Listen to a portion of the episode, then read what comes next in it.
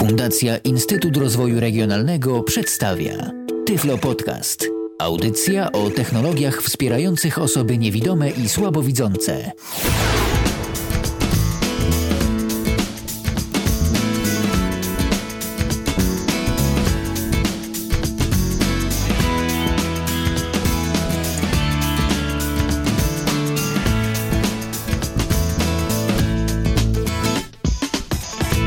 Radio N, jesteśmy z wami jak zawsze 24 godziny na dobę przez 7 dni w tygodniu na www.radio.nfm i www.radio.n.pl.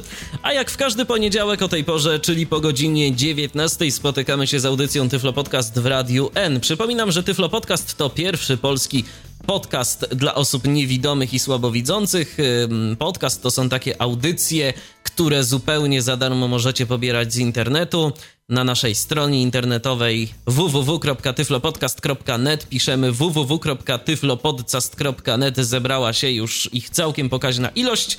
No a tych audycji będzie jeszcze przybywać, na pewno, łącznie z dzisiejszą, z dzisiejszą audycją Tyflo Podcast w Radiu N. W każdy poniedziałek po godzinie 19 spotykamy się tu na żywo, żeby porozmawiać o różnych e, tematach, o różnych zagadnieniach związanych z osobami niewidomymi i słabowidzącymi, ale tak to już w życiu jest, że niewidomi czy słabowidzący są narażeni na różnego rodzaju zagrożenia, takie same jak i zresztą osoby widzące zupełnie dobrze. Jednym z takich zagrożeń są niebezpieczeństwa płynące z sieci, czyli różnego rodzaju wirusy, konie trojańskie, robaki i cała ta reszta tego internetowego paskudztwa, o którym dziś sobie porozmawiamy. Porozmawiamy, cóż to takiego jest i jak się przed tym bronić. Ja witam bardzo serdecznie mojego dzisiejszego gościa, jakim jest Kamil Żak. Witaj Kamilu.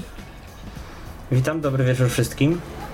No i z racji tego, że dziś będziemy właśnie mówić o tych różnego rodzaju zagrożeniach sieciowych, to może powiedzmy najpierw naszym słuchaczom, czemu tak na dobrą sprawę mm, zabraliśmy się za ten temat. W końcu, no, sporo już o tym się mówi, sporo materiałów można znaleźć w internecie, jak się przed tym bronić, ale chyba osoby niewidome z pewnego względu i z pewnego punktu widzenia no, są szczególnie poszkodowane, jeżeli gdzieś tam na komputer do systemu operacyjnego e, dostanie im się jakieś złośliwe oprogramowanie, prawda?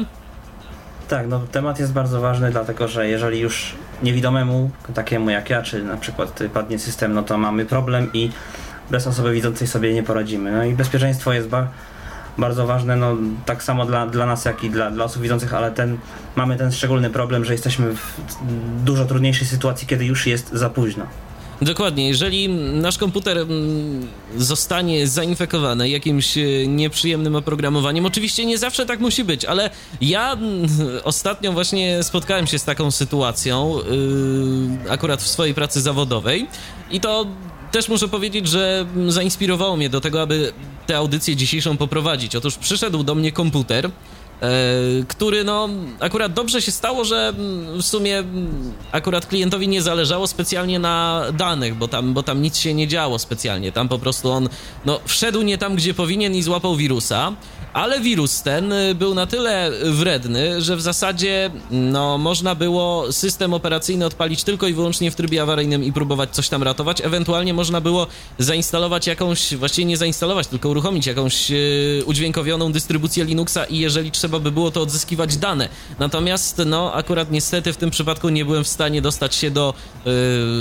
normalnego systemu operacyjnego, bo przypomnijmy, że programy odczytu ekranu nie działają w ogóle w trybie awaryjnym. Czy mm, spotkałeś się z jakimś y, naszym screen readerem, który jednak coś by umożliwiał? Bo ja nie, szczerze mówiąc.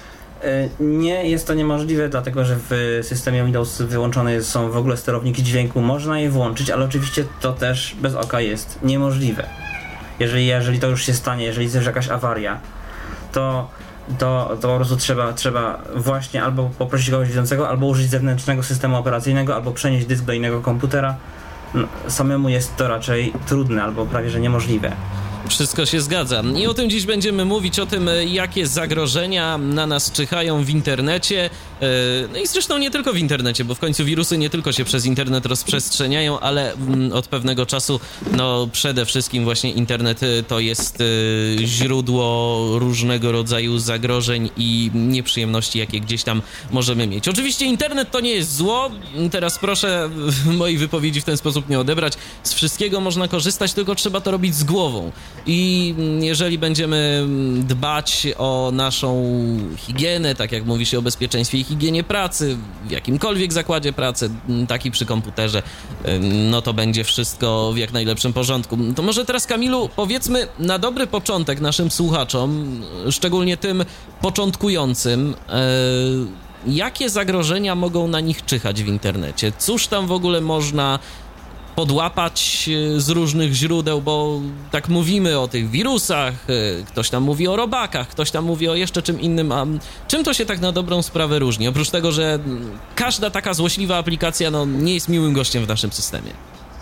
No tak, no wirusy, no to ich zadaniem jest głównym, że tak powiem, dostawać się, dostać się jak na, naj, na jak największą liczbę komputerów i po prostu zniszczyć dane z, z nie wiem, zepsuć programy, nie wiem, uszkodzić, jakkolwiek y, zepsuć. No, konie trojańskie to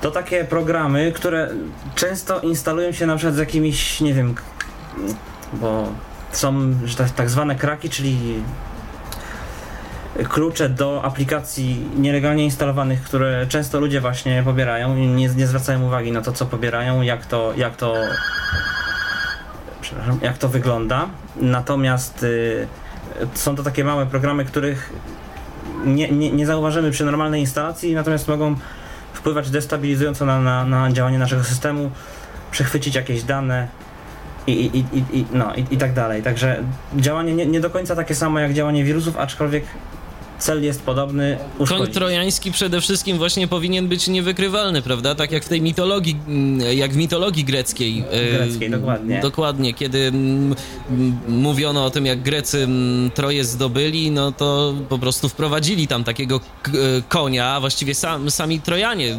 wprowadzili konia do miasta, no i później okazało się, że było to coś zdecydowanie niedobrego, co zrobili. I właśnie takie konie trojańskie to, to są przede wszystkim aplikacje, które po prostu y, szpiegują nas. No tak to myślę, że możemy tak. powiedzieć. Szpiegują, y, potrafią różne rzeczy robić. Y, potrafią sczytywać y, nawet y, znaki, jakie wprowadzamy na klawiaturze.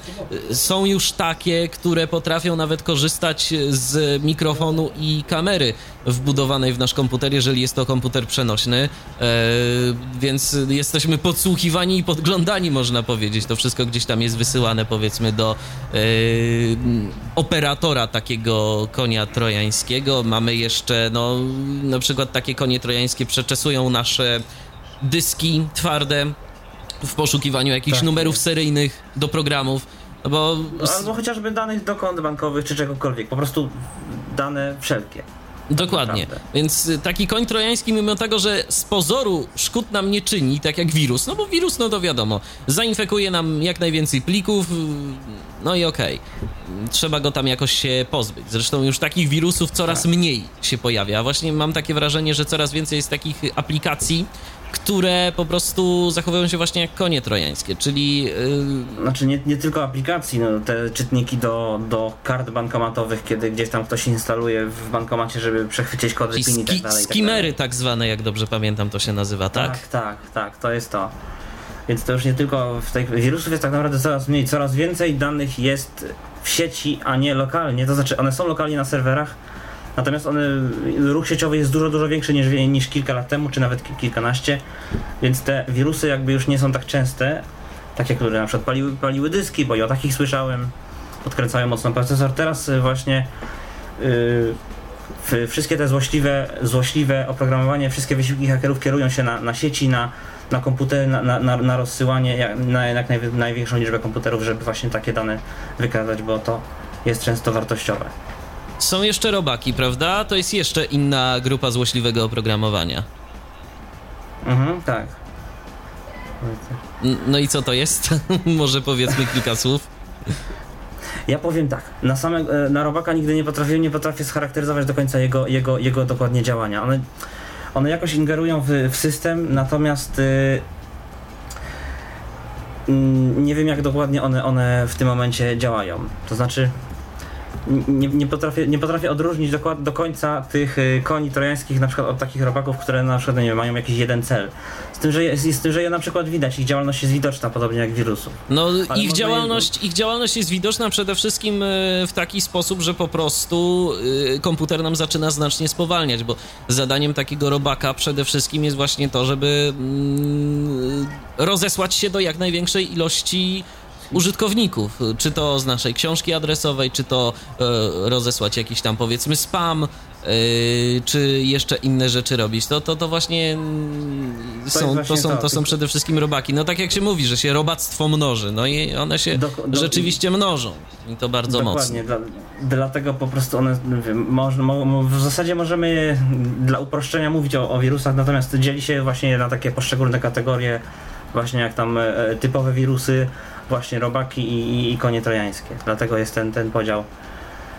Ale coraz więcej programów już, y, już y, w zasadzie chroni kompleksowo, tych nawet darmowych przed, y, przed oprogramowaniem szpiegującym, przed szpiegami, przed wirusami zwykłymi, przed robakami właśnie takimi sieciowymi, które gdzieś tam na przykład z plików albo z serwerów P2P, chociażby mogą się do naszego komputera dostać. No właśnie, bo kiedyś jeszcze mówiło się o tak zwanym spyware'ze, prawda? Czyli o tym takim oprogramowaniu szpiegującym, ale może nie nawet e, na zasadzie wykradania naszych e, poufnych danych, takich jak e, numery kart kredytowych, jak jakieś, nie wiem, hasła bankowe, czy chociażby hasło do naszego konta pocztowego, ale mm, szpiegujących i obserwujących nasze zachowanie w internecie. Na przykład gdzieś tak. tam, na jakie strony wchodzimy, co lubimy oglądać, jakiej muzyki słuchamy. Y, no, tego typu oprogramowanie kiedyś było bardzo popularne i dosyć często dołączane nawet do yy, aplikacji. Był, był taki okres czasu, teraz yy, to może, to może powiesz za, za momencik, czy z twoich obserwacji mhm. jest tego więcej, czy jest tego mniej, ale yy, kiedyś po prostu właśnie jeżeli chciało się korzystać darmowo z jakiejś aplikacji, no to tak, tak, można to było... wysyłać statystyki używania. Tak, tak trzeba dalej. było oglądać reklamy też na przykład. Albo oglądać reklamy, albo właśnie zezwalać na wysyłanie statystyk używania w ramach licencji był, było często coś takiego. Teraz... Y Teraz chyba już nie, natomiast teraz jest coś takiego, że po prostu są strony, okienka wyskakujące, które no jeżeli użytkownik się dobrze nie, nie, nie pozabezpiecza, nie, nie poinstaluje do dobrych dodatków, a nie chce tego oglądać, bo to nawet nie chodzi o właśnie o jakieś tam y, zrobienie szkody, tylko po prostu pozyskanie informacji na przykład marketingowej, to otwierają się nam właśnie takie strony typu, nie wiem, no ten megapanel często się otwiera chyba. Mhm. Ja tego na przykład już od, od dawna nie mam, bo mi się to, mi się to po prostu nie, nie otwiera, bo poinstalowałem sobie dodatki, które, które to w przeglądarkach blokują. No zgadza Także się. Teraz to przechodzi bardziej na sieć. Kiedyś było więcej tych programów faktycznie lokalnie instalowanych, które gdzieś tam zbierały te informacje i można było mógł gdzieś tam je wysłać na przykład do, do firmy. Teraz jest inaczej. Teraz po prostu nawet strony nas gdzieś tam obserwują, chociażby przez ciasteczka yy, podrzucane yy, użytkownikom przez, przez tak zwane pliki cookie. A jeszcze a propos a propos różnego rodzaju sieciowych zagrożeń, to jeszcze myślę, że warto by powiedzieć o jednym, o tak zwanym ransomware. To jest chyba dosyć nowe mm, zagrożenie i ja nawet ostatnio właśnie przy okazji tego e, przy okazji tego mm, problemu, o którym mówiłem na, po, na początku audycji, właśnie zetknąłem się z taką aplikacją, z takim, nie wiem jak to nawet nazwać, wirusem, bo to chyba można określić mianem wirusa, prawda? W zasadzie tak. W zasadzie można to tak określić, natomiast nie jest to do końca taki typowy wirus, ponieważ nie uszkadzał na przykład komputera, ale żądania, nie wiem, nie wiem, na przykład zapłaty jakiejś tam kary. Ostatnio był taki właśnie wirus, który, który po prostu straszy ludzi, bo nie wiem, miał logo policji w, w tym, w swoim, w swoim obrazku, w tym okienku, w tym, tym komunikatem. Zgadza się i to chyba nawet właśnie te, te aplikacje gdzieś tam dane mi było zobaczyć. Pojawiła się informacja, że komputer został zablokowany z powodu naruszenia prawa polskiego, no i tam cała lista różnego rodzaju przewinień, jakie rzekomo ten użytkownik, jakich rzekomo ten użytkownik dokonał. Podejrzewam, że no, z żadnym nie miał nic wspólnego. No ale w każdym razie wyglądało to groźnie. No a o co chodziło? Teoretycznie, bo ja tego nie sprawdziłem. ja, tego, ja się z tym osobiście nie, nie zetknąłem. Ja to oczywiście przeczytałem. No ja, ja właśnie się, ja się zetknąłem i muszę ja powiedzieć nie. naszym słuchaczom przy okazji, że jeżeli coś takiego y, trafi w wasze komputery, no to niestety jest bardzo duży problem, bo po prostu y, ten wirus, czy to oprogramowanie, to oprogramowanie ransomware, y, ono po prostu y, ubija ważne pliki systemowe i nawet nie umożliwia uruchomienie programu odczytu ekranu. Y, nie mamy dźwięku, więc no niestety jesteśmy bezradni, tak na dobrą sprawę. No tak. Nie możemy, nie możemy nic zrobić. Tak, on, on, wyłącza, on wyłącza program y, Explorer Exe na przykład w mm, systemie Windows, czyli no, nie możemy się nigdzie dostać, bo to jest podstawowy plik. Więc jeżeli na takie coś trafimy, no to jest dosyć duży problem. Natomiast, no co ta, co ta aplikacja, czego ta aplikacja od nas żądała? Żądała tego, żeby po prostu zapłacić pieniądze. Trzeba było wykupić odpowiedni kupon o wartości 500 złotych no i teoretycznie wtedy, kiedy byśmy podali informację o tym kuponie, tam w odpowiednim okienku aplikacji, no to teoretycznie usunęłaby się i odblokowałaby nasz komputer. Natomiast praktycznie nie wiem, czy by to zrobiła. Ja też nie wiem i chyba dobrze, że tego nie, nie sprawdzałeś, natomiast... No nie no, szkoda mi było y, pieniędzy po prostu. Dokładnie, dokładnie, bardzo dobrze, dlatego mówię, to jest... Y, to jest y, takich rzeczy się nie sprawdza, po prostu trzeba to zneutralizować. Jeżeli nie możemy sami, właśnie tak jak y, powiedziałeś, bo, bo są wyłączane usługi, no to trzeba kogoś poprosić, ale myślę, że dobre, dobre oprogramowanie, bo to nie było na twoim komputerze, to było na jakimś Nie, nie, nie, to było na komputerze mojego klienta, który poprosił mnie o to, żebym coś z tym zrobił, bo no bo się przestraszył w ogóle, no nic dziwnego, wiesz, tam y, to ten komunikat brzmiał dość groźnie w ogóle, wiesz, no naruszenie prawa polskiego, jakieś pobieranie filmów y, z, pornograficznym z udziałem małoletnich dzieci, na przykład tam była taka informacja, że y, popełnił takie przestępstwo i jeszcze kilka innych, więc no sam komunikat dosyć, dosyć taki groźnie brzmiący dla osoby niewtajemniczonej. To, to... Tak, jak ktoś używa komputera tylko do pracy i nie, wie, o właśnie tego typu rzeczach, to może faktycznie spanikować.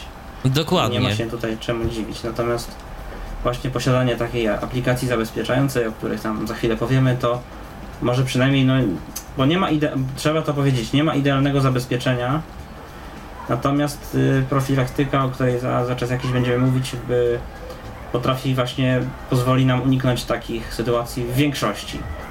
Oczywiście, bo nie we wszystkim trzeba przede wszystkim myśleć, no ale o tym y, to mm, powiemy, powiemy już za chwileczkę. Ja przypominam, że dziś na antenie Tyflo Podcastu w Radiu N wspólnie z Kamilem Żakiem rozmawiamy o bezpieczeństwie w sieci, o tym y, jak unikać różnego rodzaju zagrożeń, no i jakie te zagrożenia właściwie są. Za momencik do Waszej dyspozycji będzie nasz e, radiowy Skype o loginie tyflopodcast.net. Ja jeszcze przypomnę nasz e, numer telefonu 223988027 wewnętrzny 938.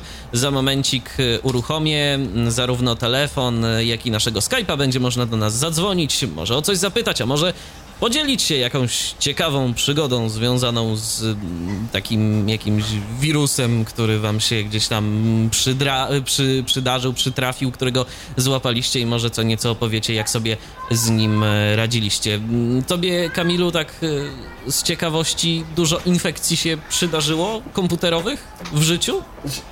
Powiem tak, na szczęście w zasadzie nie takich, które by mogły mi poważnie zaszkodzić. Znaczy ja od, już od dawna korzystam z płatnych rozwiązań antywirusowych i to mimo wszystko chyba mnie jednak uchroniło przed jakimiś poważnymi zagrożeniami, ale bywało tak, że kiedy dostawałem od kogoś na przykład jakiegoś pendrive'a czy dysk, no to było tych zagrożeń 300, 400, nawet się na jednym tysiąc zdarzyło, no ale to był 100, 100 kilku gigowy dysk, który, który był leczony przez jakąś całą noc chyba zdaje się. A wyleczony? Więc tak to. Yy, Znaczy część plików została niestety stracona, natomiast nie były one moje, no, ale ta osoba, która no, te pliki straciła, natychmiast kupiła program antywirusowy, więc to jednak mm, nie było takie znowu całkiem złe, że, że po prostu ktoś się przekonał, że trzeba jednak. No ja powiem szczerze, ja, ja powiem szczerze, ja powiem szczerze, że mi się y, z infekcją to w ogóle przydarzyło dosyć y, ciekawie, bo mm, infekcji komputera doznałem w trakcie pisania próbnej matury. Bo ja pisałem maturę, ja pisałem maturę na komputerze, y, no i y, w trakcie pisania matury z angielskiego y, w międzyczasie między tam jednym, y, jedną częścią, czyli testem, a mm, jakimś tam wypracowaniem, które trzeba było napisać, ujawnił się po prostu jakiś wirus, y, no i trzeba było go zneutralizować. Także nie, nie odpoczywałem, tylko starałem się jak najszybciej wyczyścić ten komputer, żeby móc dalej pracować. No i bardzo dobrze, że mi się to nie przydarzyło na tym egzaminie takim już y, rzeczywistym, bo no, wtedy myślę, że stres byłby znacznie większy. 223988027 wewnętrzny 938 oraz Skype y, o loginie tyflopodcast.net są już teraz do waszej dyspozycji. Wracamy za moment, teraz odrobina muzyki. Radio N.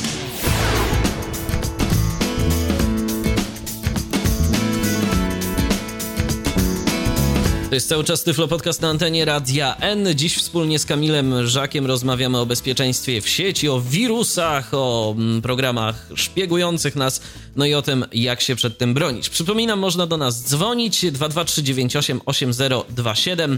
Wewnętrzny 938 jesteśmy do waszej dyspozycji także na Skype'ie. Nasz login to tyflopodcast.net. No więc teraz, y, Kamilu, proponuję, abyśmy co nieco o, prakty, o profilaktyce powiedzieli, bo oczywiście wiadomo, antywirus y, to jest potrzebna rzecz i jeszcze kilka innych dodatkowych narzędzi, o których e, na pewno powiemy w dalszej części naszego dzisiejszego programu, ale no, trzeba czasem troszeczkę pomyśleć i się zastanowić, co się robi, prawda? Jest kilka takich złotych zasad. No tak, ponieważ program za nas nie zrobi wszystkiego, żaden program. No więc co robimy, a czego nie robimy? Na co zwracamy uwagę? No przede wszystkim na jakie strony wchodzimy. Nie, nie wolno w, y, nie wolno po prostu wchodzić w jakieś tam linki. No dobra, coś znalazłem, nie, nie wiem do końca gdzie wchodzę, ale wejdę. Tylko jeżeli nam ktoś coś polecił, to raczej starajmy się z tego korzystać. Nie, nie, nie wiem, nie szukajmy na własną rękę rzeczy, które, które, no, które generalnie jakoś są zagrożone w większym stopniu, na przykład nie wiem, jakiejś aplikacji i tak dalej, gdzie, gdzie chcemy coś po prostu pobrać, trzeba uważać na, na serwisy.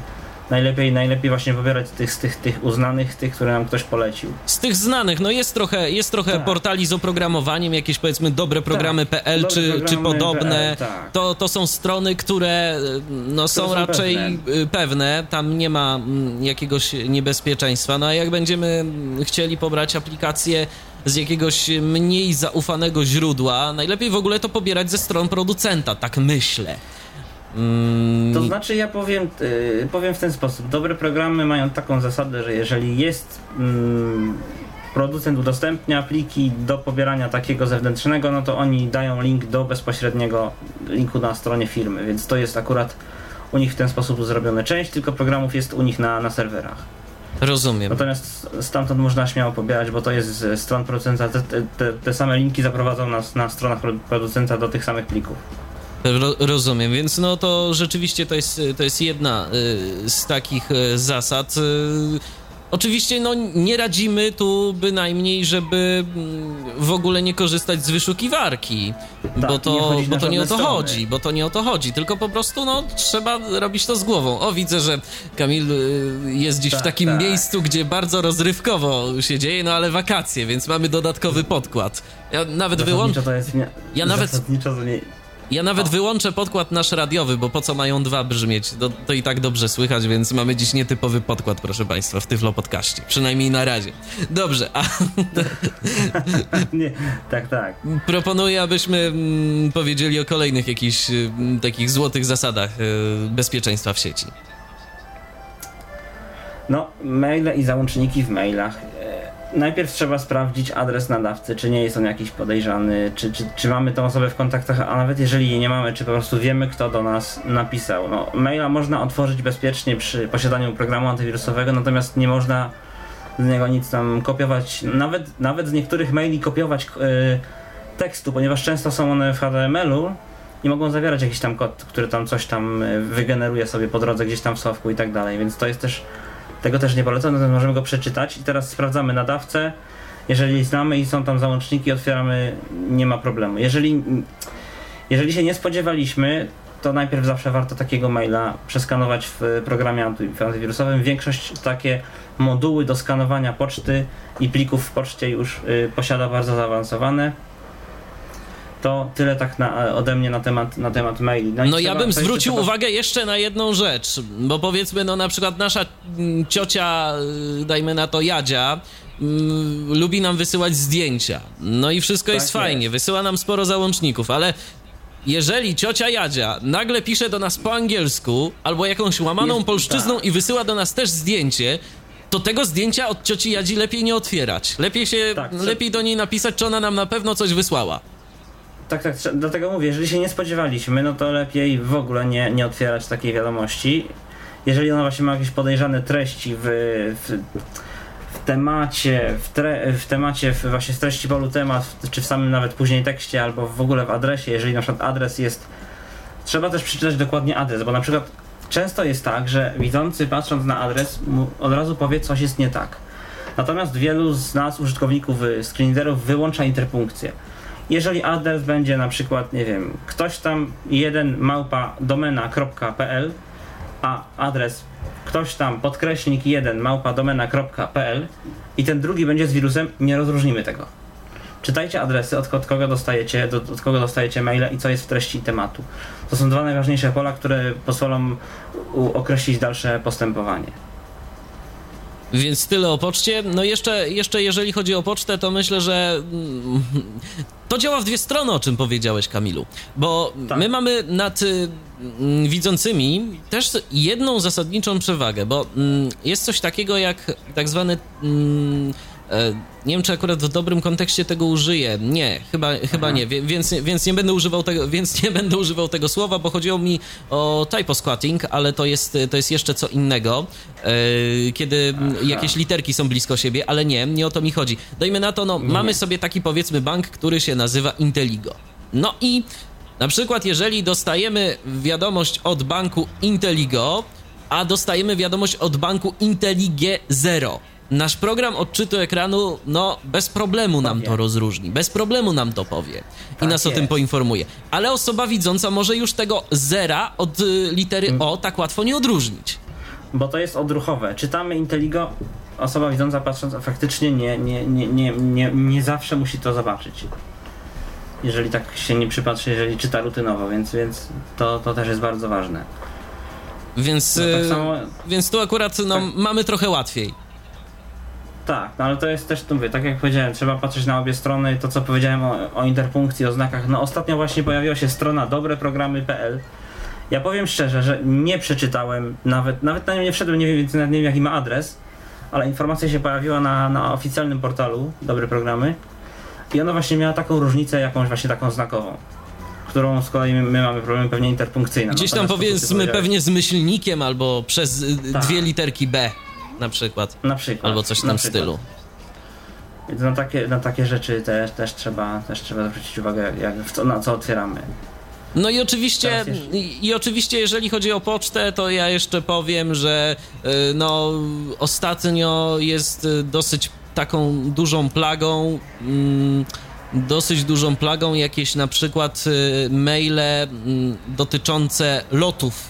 Mm, Nie wiem, czy ty też to zauważyłeś, ale ja dostaję co chwilę informacje o tym, że jakiś, y, że mi wysłali mm, e, bilety do wydrukowania z jakichś linii lotniczych, y, na które oczywiście nigdy się nie rejestrowałem i nie rezerwowałem sobie tego lotu, albo przysyłają mi jakieś faktury w załącznikach. Więc y, ja bym proponuję mm, w ogóle czegoś takiego, nawet nie odpisywać na tego typu maile, bo to nie ma sensu.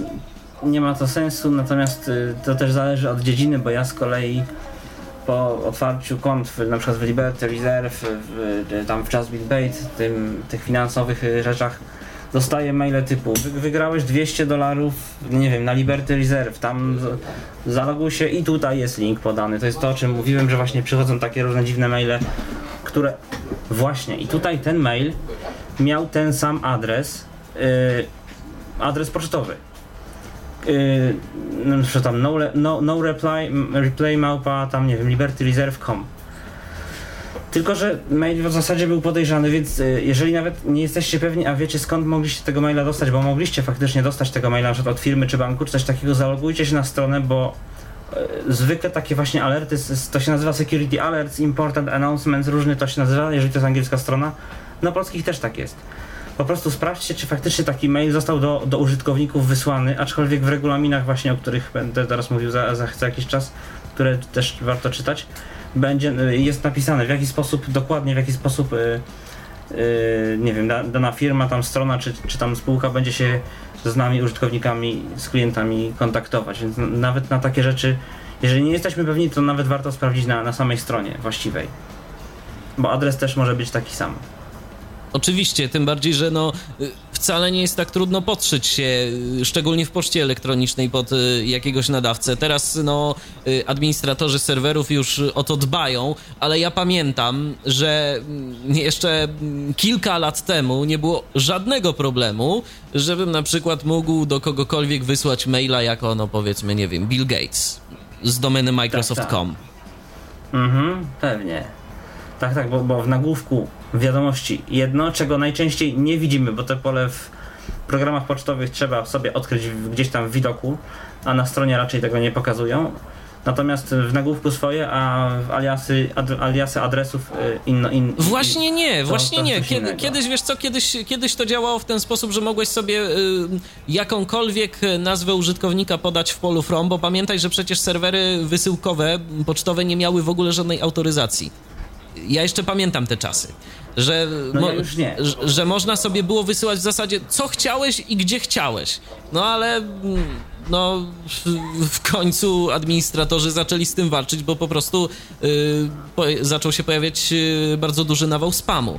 Ale ja pamiętam jeszcze właśnie te czasy, że ja naprawdę mogłem sobie skonfigurować dowolne konto pocztowe, chociażby na serwerze Onetu i mogłem to, i mogłem to robić y, i nie było wielkiego problemu. Teraz y, no już z tym nie jest tak łatwo, ale także można, więc y, warto na to zwracać uwagę, bo po prostu no, poczta elektroniczna, mimo tego, że już teraz mamy szyfrowane połączenia, y, no to nie jest bezpieczny kanał, kanał komunikacyjny. Tu się stosunkowo łatwo podszyć pod, pod kogokolwiek, więc jeżeli nie stosujemy jakiegoś y, PGP albo mm, certyfikatów y, SMIME, no, czyli tych takich y, podpisów cyfrowych do naszej wiadomości, podpisów cyfrowych są Mhm, takie, tak. mhm. Można sobie taki. Ja wiem do dziś, że rzadko to kto jednak ma. Dokładnie, rzadko kto z tego korzysta, ale jeżeli. Przeważnie duże firmy. Mhm. Przeważnie duże firmy, właśnie banki, jakieś takie. Ale jeżeli te, po no. prostu nie mamy takiego czegoś, no to to. To na pewno nie ma sensu załatwiać bardzo jakichś takich ważnych rzeczy y, tylko i wyłącznie za pomocą poczty elektronicznej. Bo po prostu, no, możemy wcale nie rozmawiać z tym, z kim wierzymy, że rozmawiamy. Tak, z kim się spodziewaliśmy, że będziemy w ogóle pisać. Mhm. I jeszcze jedna y, sprawa, komunikatory internetowe, na które w zasadzie przechodzimy troszeczkę z maili te, teraz, bo tych maili się wysyła jednak chyba mniej. Komunikatory internetowe i Facebook i jego czat. no tak. Tak, czat Facebook. Chociaż ostatnio chyba wprowadzili jakieś zabezpieczenia, ale i tak mimo wszystko trzeba uważać. Bo na przykład ktoś może mieć na komputerze wirus. Ten wirus wykradnie login do Facebooka i wyśle nam jakąś wiadomość z jakimś linkiem. Fajnie, fajnie, mamy link od znajomego, tylko teraz co to jest? Jeżeli na przykład nie, nie spodziewaliśmy się, no tak, tak jak w poczcie, podobnie jak w poczcie, trzeba, trzeba sprawdzić, czy ktoś coś do nas wysyłał. Jeżeli na przykład dostajemy wiadomość nagle, tylko z samym linkiem. Albo z jakimś tekstem, który, który po prostu, nie wiem, nie, nie jest w stylu tych osób, osób z, którymi, z którymi korespondujemy i tak dalej. No bo y, zawsze się znajdzie coś, co ten, y, co ten, y, co to szkodliwe, nie wiem, y, co te szkodliwe linki zatrzyma, co, co je odróżni, co nam pozwoli odróżnić od, od tych, które byśmy, których byśmy się w końcu spodziewali, ale Całe szczęście jak wszędzie- jeszcze tak jest. tak, ale jeszcze tak jest, ale trzeba przy tym pomyśleć, bo to nie jest takie wcale oczywiste na, pierwsz, na pierwszą myśl. Często właśnie tak jest, że coś kliknęliśmy, ty, a ja nie sprawdziłem tego albo tego, więc, więc po prostu, więc, więc dlatego teraz o tym, o tym mówimy. A jeszcze jedna rzecz. Y, W dobie Twittera mamy coraz więcej. Którego nie mam. No tak, no ale, ale w dobie. Ja tu- na szczęście nie mam. No to wiesz, to akurat czy na szczęście, czy na nieszczęście dobrze używany Twitter to jest całkiem e, przydatne źródło informacji, no ale to, to, to inna bajka. Natomiast ja chciałem powiedzieć o czym innym, że w dobie Twittera mam wrażenie, że pojawiło się jeszcze więcej serwisów do tak zwanego skracania linków. E, czyli wygląda to na przykład tak, że mamy jakiś link typu go.gl na przykład albo bit.ly slash 123. Co to jest bit.ly? Skąd się wzięło? Bo ja, powiem szczerze, że ja tych skracanych linków nie otwieram i nigdy nie ufałem i na razie chyba się tego nie przełamię. No to są po prostu, to są serwisy mm, e, skracające. Taki nasz polski to dosyć znany serwis skracający, to jest chociażby 42.pl, jak dobrze pamiętam. No, a i jeszcze jest tego, te, jest tego sporo, Yy, natomiast yy, fakt jest faktem, że coraz więcej linków, szczególnie z Twittera, przechodzi przez takie serwisy skracające. I tak na dobrą sprawę, Dokładnie.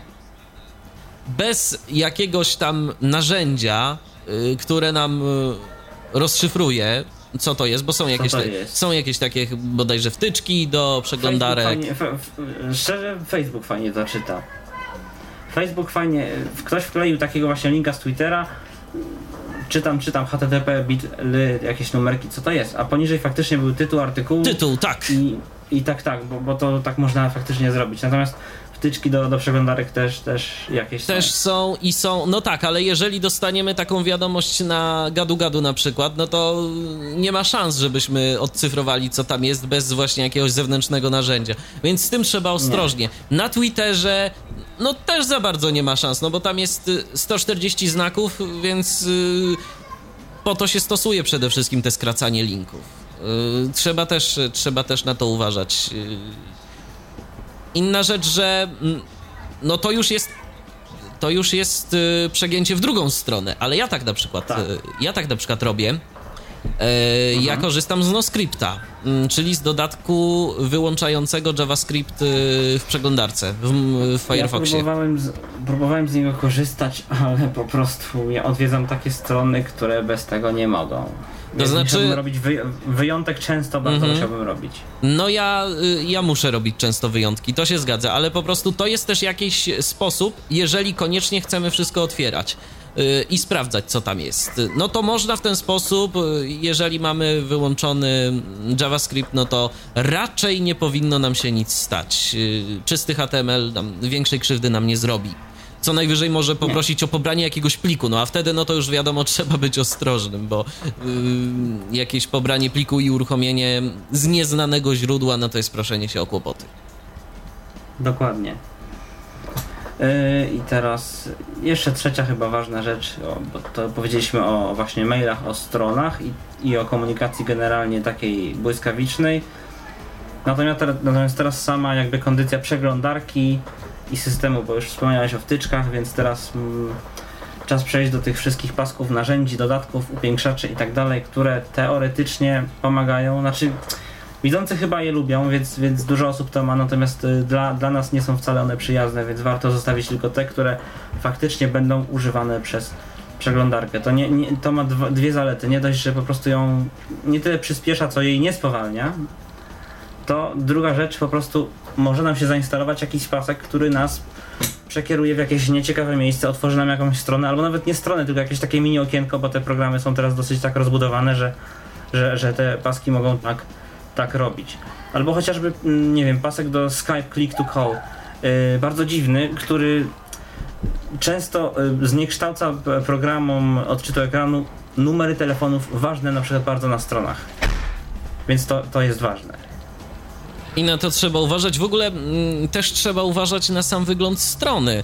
Jeżeli już koniecznie y, otwieramy jakiś y, link z maila, y, którego do końca nie jesteśmy pewni, co już jest y, dosyć ryzykowne. Natomiast, no Tak. okej, załóżmy, że to zrobiliśmy i to jest strona naszego znanego portalu aukcyjnego, czy konta bankowego, czy, czy coś. Ja w ogóle bym radził, to już zresztą rozmawialiśmy poza anteną na samym początku, żeby co jak co, ale y, adresy kont bankowych to wprowadzać z palca Wprowadzać. albo z zakładek.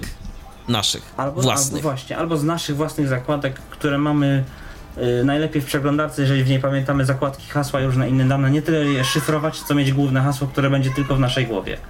Bo nawet jeżeli tych haseł jest, nie wiem, 100, bo, tak, bo, bo, bo są i takie przypadki, to jedno główne hasło do przeglądarki nam załatwi sprawę i gdzieś jeszcze inny plik zaszyfrowany oczywiście z tymi Tym bardziej- gdyby, gdyby tym- jakieś problemy wyszły. Tym bardziej, Kamilu, że domyślnie Firefox yy, i to taka informacja dla naszych słuchaczy, którzy być może na jednym profilu w kilka osób korzystają z y, Firefoxa. E, No to Firefox, proszę Państwa, wszystkie te zaszyfrowane hasła m, bez problemu są do odcyfrowania jawnym tekstem. E, Wystarczy Tak sobie wejść y, w ustawienia y, przeglądarki i tam na odpowiedniej zakładce, teraz z pamięci nie powiem gdzie, ale jest taki magiczny guziczek pokaż hasła, no i wszystko mamy, jak na dłoni. Tak, tak, to jest, jest chyba w zakładce prywatność. Albo, Więc- albo, bez, albo, al, al, albo bezpieczeństwo. Nie jest to takie ważne, gdzie to teraz jest. Ważne po prostu jest, żeby to o tym wiedzieć w tym momencie.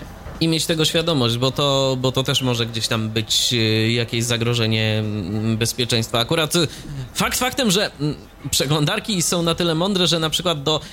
Ja się nigdy nie spotkałem nawet z propozycją zapamiętania hasła do konta bankowego. Tak, ja też nie, natomiast y, na przykład w moim banku nie da się tego zrobić, ponieważ hasło jest maskowane, czyli na przykład składa się ono z y, pewnej liczby znaków, ale ja mam wpisać tylko na przykład znaki pierwszy, czwarty, siódmy i jedenasty. A na inną sesję, nie wiem, drugi, czwarty, siódmy, dziewiąty i tak dalej. Więc, więc w niektórych bankach jest tak, a w niektórych faktycznie te, które słyszałem, gdzie tam ktoś się logował, czy, czy tam mi coś pokazywał, czy demonstrował, to faktycznie prze- przeglądarki nie proponują pamiętania haseł do, do banków. Chociaż wiesz co, ja myślę, że to jest rozwiązane na zasadzie, że to właśnie o, o są certyfikaty, o których rozma- rozmawialiśmy i przeglądarki wiedzą, że właśnie tego typu certyfikaty na przykład wyłączają takie funkcje albo, albo dają, dają od razu przeglądarce odpowiedź, żebyśmy nie, nie widzieli nie, niepotrzebnych komunikatów. E, Dokładnie. E, I jeszcze taka jedna rzecz. mm, To już zupełnie nawiasem, ale ja miałem parę takich e, przypadków, że mm, ktoś do mnie dzwonił kiedyś, pytał, dlaczego mu pojawia się komunikat, że certyfikat jest e, nieważny w jego banku. Właśnie. No i teraz tak. Może to być spowodowane kilkoma czynnikami. Oczywiście, wiadomo, może się zdarzyć tak, że weszliśmy na jakąś stronę nie taką, jaką byśmy chcieli. I to jest Tak. właśnie, i to jest właśnie mm, rzecz, na którą warto zwracać uwagę. Jeżeli już koniecznie weszliśmy z jakiegoś linka wiadomości y, pocztowej, w wiadomości mailowej, to sprawdźmy, czy ta strona przypomina nam wyglądem, układem, mm, w przypadku niewidomych to bardziej układem, tą stronę, na tutaj- której się zwykle znajdujemy. I tutaj uwaga dla tych wszystkich, którzy lubią układ ekranu i dotykają sobie na tych urządzeniach wspaniałych, jakże dotykowych. Nie, nie, nie wiem jak to się sprawdza, natomiast warto mieć tak zwany układ spłaszczony, prosty układ strony i żebyśmy wiedzieli co jest pod jakim linkiem, jak się ten obrazek nazywał, jak był zaetykietowany.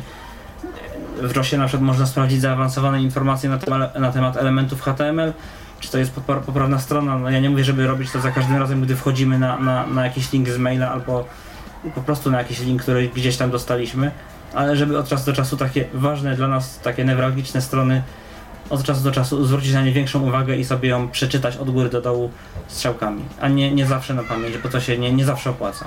Dokładnie, może być po prostu tak, że trafimy na jakąś stronę fałszywkę, padniemy ofiarą tak zwanego phishingu, aczkolwiek powiem ci, że mm, bezmyślność ludzka nie zna granic. Jakieś pamiętam, dzwoni do mnie mm, jedna osoba, która mówi, że ma jakiś problem, bo dostała maila z banku i, y, no i się nie może zalogować. E, no i teraz tak, y, nie mogła się zalogować, nie mogła się zalogować, y, ale dlaczego? Najciekawsze jest dlaczego. Bo to E, nie była strona banku. Wiesz co, to jeszcze pół biedy. E, co pro- jeszcze? problem był taki, że ta osoba miała konto w zupełnie innym banku, a wtedy była taka akcja phishingowa, y, tam y, ludzie złośliwi podawali się za zupełnie inny bank niż ten, gdzie ona miała konto. no ale mail z banku, no to z banku. No to się trzeba zalogować, prawda? Ach, z linku podanego w mailu. Oczywiście, oczywiście. Ja już po prostu, ja to zawsze przytaczam jako taki przykład kuriozum już, naprawdę, totalnego. Wię, większej bezmyślności nie widziałem w swoim życiu. No ale i tacy ludzie są i trzeba na to, trzeba im o tym mówić i trzeba na to zwracać uwagę, no bo to już, to już, to już tak. nawet nie jest to, że nam się jakieś pliki gdzieś tam poginą z naszego dysku, Ale po prostu pra- możemy prawda- stracić pieniądze, no, na które pracujemy ciężko. Tak, ale prawda jest z drugiej strony też taka, że nie można znowu być paranoikiem i to się każdemu z nas może zdarzyć, i dlatego trzeba po prostu o tym przypominać. I, i, Dokładnie. I tak naprawdę o to, tu- o, to, o to tu chodzi. Dokładnie, dokładnie. Więc y, złota zasada, sprawdzamy układ y, strony. Ja jeszcze taki mam, ale to taki mój sposób, który nie każdemu może się spodobać i y, na maile. Y, jeżeli mam jakieś podejrzenia. Ja mm, zazwyczaj mniej więcej pamiętam, y, przez jakie komputery, przez jakie serwery przechodzi taki oryginalny mail od jakichś tam najbardziej znanych, no powiedzmy, korespondentów moich, czy jakiejś instytucji. Więc jeżeli mam jakieś podejrzenia, to ja sobie sprawdzam nagłówki i trasę, jaką ten mail przeszedł. Jeżeli widzę, że coś jest nie tak, no to znaczy, że jeżeli przez jakieś inne komputery, przez jakieś inne hosty, które nazywają się inaczej, no to już wiadomo, że może być coś na rzeczy. Ale to jest taka, Tak, tak. to jest taka trochę yy, zabawa dla hardkorów, jak to mówią. Ja obawiam się, że dla większości osób jest to, będzie to na pewno kłopot. No I też się, też, się tak, też się tak obawiam, ale to podaję po prostu taki przykład, który ja niekiedy stosuję w życiu i się parę razy przydał. Zdarzało mi się, aczkolwiek nie, nie, nie, nie ten. Teraz jest to tak, że po prostu ktoś, e, różne osoby logują się z różnych miejsc i tam zawsze się jakiś element zmienia. Mhm, mhm. A to się zgadza. No ale o tym to można by było długo, bo, bo jest parę sposobów, żeby, żeby przynajmniej częściowo gdzieś tam rozpoznać. Yy, Taki chociażby prosty przykład, je- jeżeli ktoś korzysta z Outlook Expressa, to zawsze widać jaki komputer, jakiego komputer się nazywa. Mm, Już na przykład Thunderbird wysyłając maile tego nie pokazuje.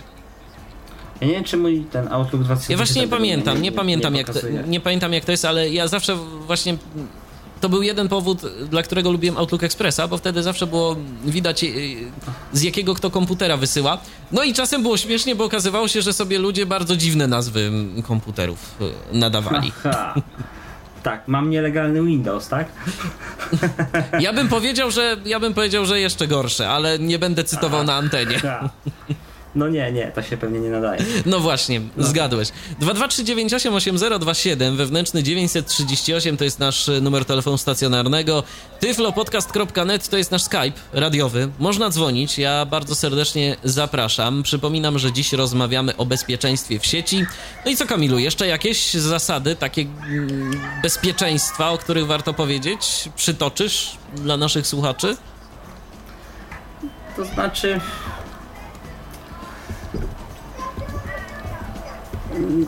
Zasadniczo nie, nie tyle dotyczące komputerów, co na przykład telefonów po prostu, jeżeli właśnie mamy teraz y, coraz lepsze smartfony, coraz więcej się z nich korzysta z internetu. Jeżeli nie korzystacie z jakiegoś tam y, trybu komunikacji, na przykład z internetu, wyłączajcie go po prostu w telefonie. Jeżeli na przykład nie korzystacie z Bluetootha, a macie powiązane urządzenia, to włączcie ten, ten tryb ukryty, bo, bo różnie może być, bo dostajemy na... Możemy też dostać czasami jakiegoś na przykład SMS-a, który, który na Nokiach z tego co wiem to kiedyś był z tym problem i to jakoś było blokowane, oni coś wymyślili na Symbiana, ale teraz mamy Androida, który no nie da się ukryć, jest dziurawy, niestety, bo to na Linuxie oparte, więc jednak może być dziurawy, jak się ktoś postara, jakiś haker, który po prostu nam, dostaniemy takiego SMS-a, który nam może nieźle zaszkodzić. Na przykład gdzieś zadzwonić, wygenerować duże koszty rozmów, SMS-ów i tak dalej, przesłać się do kogoś innego, do, do, do wykraść dane naszych kontaktów z telefonu, co, co na pewno by nie, nie było dla nich miłe. Także nie tylko myślmy o, o sobie, ale też jeżeli nam zależy to o innych, bo to, bo to dla nas wszystkich, dla naszego dobra jest. Zresztą wiesz, no nie tylko Android. Ostatnio mm, tak zawsze było mówione o tym, że mm, App Store to mm, jest tak super bezpieczne miejsce, Nie. bo tam jest to wszystko sprawdzane. Mówię tu o sklepie Apple'a. E, że tam jest tak fajnie. Okazało się, że mm, no, ostatnio była jakaś aplikacja, która się rozsyłała, później wysyłała jakieś SMS-y e, do ludzi z naszej książki adresowej, to raz. A, a ostatnio czytałem o jakiejś aplikacji, do której był dołączony wirus dla Windows. To tak, w, to tak w ramach ciekawostki. Oczywiście on był niegroźny dla mm, użytkowników iPhone'ów, ale no był. Nie został odfiltrowany przez Apple'a. Aha, czyli ktoś sobie widocznie testował, czy to jest faktycznie dobre. Także no, zamknięty, zamknięty system też. Też ma swoje dziury i też ma swoje wady najlepszy. i nie zwalnia z myślenia, proszę państwa. Nie, do, do, dokładnie, bo, bo, bo po prostu wszyscy teraz używają chmury i te konta konfigurują, łączą, przekierowują to wszystko, ale jak w jednym momencie ktoś nie pomyśli, może stracić właśnie wtedy wszystko. Właśnie dziś czytałem dosyć ciekawy artykuł na Niebezpieczniku i swoją drogą polecam wszystkim tym, którzy się interesują bezpieczeństwem komputerowym, y, portal nie- niebezpiecznik.pl. Bardzo fajna strona, y, dużo informacji, ciekawostek związanych y, z bezpieczeństwem y, komputerów, z bezpieczeństwem sieciowym. No i dziś właśnie czytałem a propos urządzeń iOS i urządzeń w ogóle Apple'a, że jeden z użytkowników i były pracownik serwisu Gizmodo, który też zresztą to serwis ma swoją polską wersję językową, padł ofiarą przestępców. Y, Otóż y, pierwszą rzeczą, jaką zrobili, było zadzwonienie na infolinię Apple'a i podanie się za, za niego. Pracownik infolinii zresetował hasło Apple ID do Apple ID. Oni później połączyli się z tym kontem, wyczyścili mu dane z iPhone'a i bodajże jeszcze z komputera osobistego, z Maca. Następnie, bo mm, to konto to był jakiś zapasowy adres do jego głównej skrzynki gmailowej y, i tam się włamali i stamtąd wyczyścili mu wszystkie dane. No i jeszcze przy okazji zaatakowali mm, oficjalny, y, oficjalne konto twitterowe Gizmodo, bo jeszcze było tam połączone y, z tym kontem gmailowym właśnie tego pracownika, no i zaczęli tam wysyłać różnego rodzaju rasistowskie treści. Przez weekend Chociaż tak to wyglądało. zas- zastanawiam się, czy, czy to była w zasadzie jego wina, tego, tego właściciela tego, tych urządzeń. No nie, no, No właśnie- to znaczy, no nie, mógł, no. wiesz, mógł pomyśleć troszeczkę i gdzieś tam, powiedzmy, nie, nie uaktywniać sobie tej usługi y, kasowania danych na przykład, bo to ja wiem, że to brzmi fajnie, ale ja szczerze mówiąc, no... 10 razy bym się zastanowił, zanim umożliwiłbym y, z jakiegokolwiek miejsca zdalnego wykasowanie swoich danych. Mm, Tak, tak. Ja w ogóle, ja w ogóle jestem być może troszeczkę już nie, nie nowoczesny, aczkolwiek powinienem być. Jestem w ogóle przeciwnikiem e, jakiegoś automatycznego, nie wiem, łączenia się z, z internetem mobilnym, telefonu samoczynnie, kiedy, kiedy my, my o tym nie wiemy albo nie jesteśmy świadomi, że coś takiego się dzieje. Stąd też do tych urządzeń sympatią nie bałam, mimo tego, że słyszę argument, że to można wyłączyć. Ja chcę, żeby tak było na przykład domyślnie, gdzie w Nokiach tak jest, bo na przykład nie chcę wyłączać internetu w sieci, bo czasami jest potrzebne, ale ja chcę o tym decy- decydować, więc to mnie też niepokoi niestety, że coraz częściej po prostu ludzie nie wiedzą, że to jest włączone nawet. No i się później można zdziwić, kiedy się za granicę wyjedzie na przykład. No ja wiem, że roaming coraz tańszy, ale Tak, tak, tak. Właśnie. Jeszcze trochę, jeszcze. jeszcze trochę, jeszcze, jeszcze trochę nas będzie kosztował, niestety. Złoty 60 chyba, czy 50 teraz jakoś tak. Za megabajt?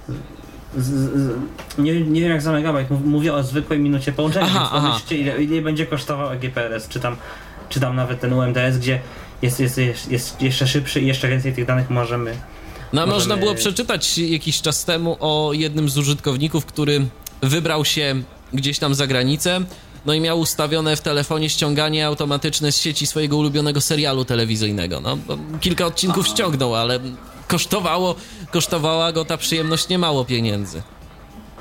Aha. No tak, tak, to, to, jest, to jest właśnie to. Dlatego ja nie chcę się tak do końca u, u, uzależnić od tego, że coś, coś, coś ktoś za mnie zrobi z, zdalnie, z zewnątrz i, i tak dalej. Więc też e, na to radzimy po prostu zwracać uwagę. No, ogólnie zwracać uwagę na to, co się dzieje z naszym komputerem.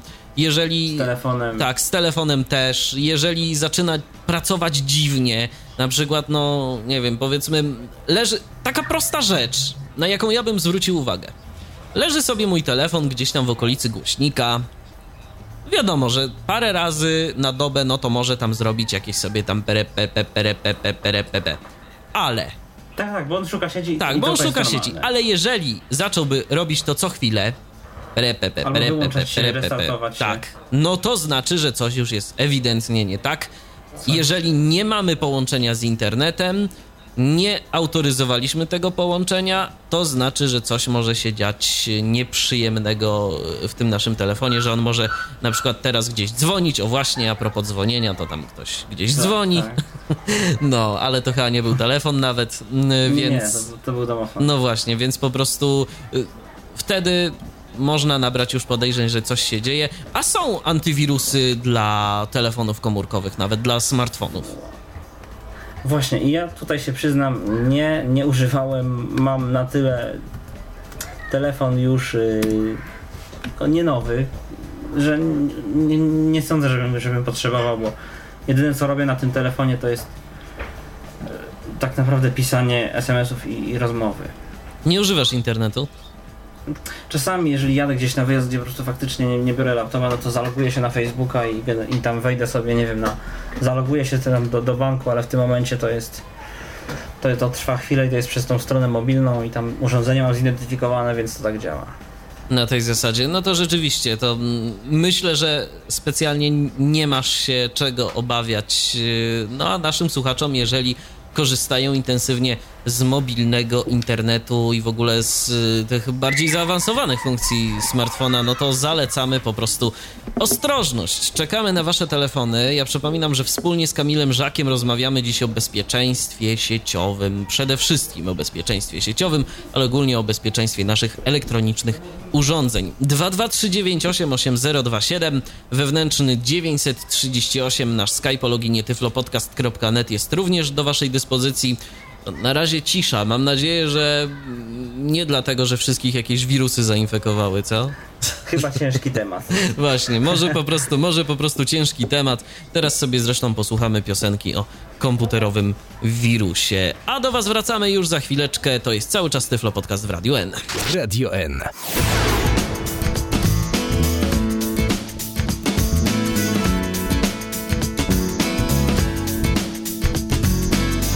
I już do Was wracamy. Wracamy z audycją Tyflo Podcast w Radiu N. Przypominam, że dziś rozmawiamy na temat bezpieczeństwa komputerowego, szczególnie bezpieczeństwa sieciowego, a moim i Waszym przede wszystkim gościem jest w dzisiejszej audycji Kamil Żak. 223988027, wewnętrzny 938 oraz tyflopodcast.net.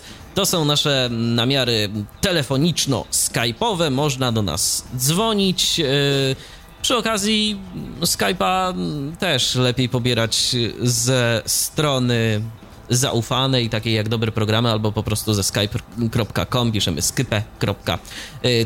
No i na Skype'ie też niejednokrotnie mm, ja się spotkałem z jakimiś dziwnymi linkami. Nie wiem, Kamilu, ty się spotkałeś y, z wiadomościami dziwnej treści? Mówisz o stronie, czy o wiadomościach z Nie, o wiadomościach z czata.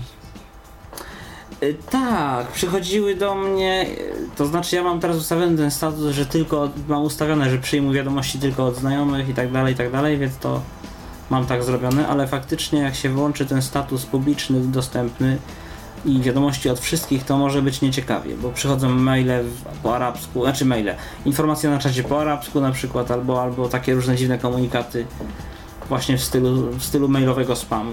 Dokładnie, chcą nam sprzedać środki na potencję na przykład, no ale to w najlepszym wypadku, bo e, niekiedy też po prostu to są wirusy. To są wirusy czy jakieś inne robaki, po prostu złośliwe oprogramowanie nam gdzieś yy, chcą różni źli ludzie podrzucić za sprawą, za sprawą linków, mm, które gdzieś tam rozsyłają po sieci. Y, Więc to tak jeszcze króciutko a propos Skype'a. Też warto uważać i nie klikać we wszystko, co nam ktokolwiek podsyła, szczególnie spoza naszych kontaktów, a jeżeli nawet i ktoś z kontaktów, no to też y, warto zobaczyć, y, czy on jest dostępny w ogóle i czy jeżeli do niego coś napiszemy, to nam odpowie. Bo to też tak może być, że po prostu nawet bez jego wiedzy Skype coś tam Tak. rozsyła, a właściwie jakieś Właśnie, no- złośliwe oprogramowanie podczepiające się pod Skype'a. Dokładnie, bo nawet jeżeli my nie mamy tych, tych wirusów czy innych zagrożeń, to może, mogą inni mieć i nawet będą tego nie, nieświadomi. Natomiast poruszyłeś jeszcze jeden bardzo ciekawy temat. Nie wszystko, co instaluje program, jest dla nas zawsze dobre. Tak jak już powiedziałem o tym, o tym, o tym Skype'ie, który, który po prostu modyfikuje tym swoim paskiem narzędzi do, do przeglądarki numery telefonów. Tak po prostu wszystkie programy mają coś, co doinstalowują, a nie jest, nie jest nam to koniecznie potrzebne, także nie należy klikać tylko dalej, dalej, ale warto też czytać, co jest w tych oknach. A jeżeli nie wiemy gdzieś tam obok, otworzyć przegląd- przeglądarkę, przeczytać coś na temat tej instalacji, po, poczytać co to jest, co znaczy dana funkcja. Na przykład Winamp ma dużo takich niepotrzebnych dla nas elementów, a ich odznaczenie w czasie instalacji no, ułatwia nam pracę, po prostu przyspiesza, jest ona mniej, nie tyle, nie, nie tyle bardziej bezpieczna, chociaż, chociaż te oczywiście też, co, co po prostu ba bardziej komfortowa, bo instalujemy faktycznie to, z czego korzystamy, a nie to, co jest nam niepotrzebne, które gdzieś tam może generować jakiś ruch sieciowy albo, albo spowalniać nam komputer, pamięć i procesor, generalnie zasoby systemowe. Inna sprawa, że mm, jeżeli już mowa o instalacji aplikacji, to mm, warto te aplikacje uaktualniać. Oczywiście o ile tylko możemy, bo jeżeli decydujemy się na przykład na korzystanie z takich czy innych powodów ze starszego programu odczytu ekranu, no to wiadomo, że nie będzie nam działać na przykład z najnowszą przeglądarką, chociaż tu może nam przyjść z pomocą darmowe NVDA, do korzystania z którego serdecznie namawiamy.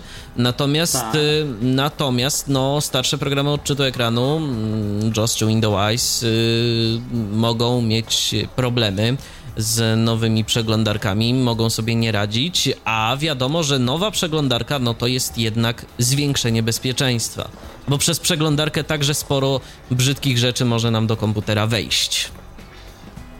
Właśnie i teraz, y, bo mówiliśmy o przeglądarkach, mówiliśmy o, o poczcie e-mail i o, o komunikatorach.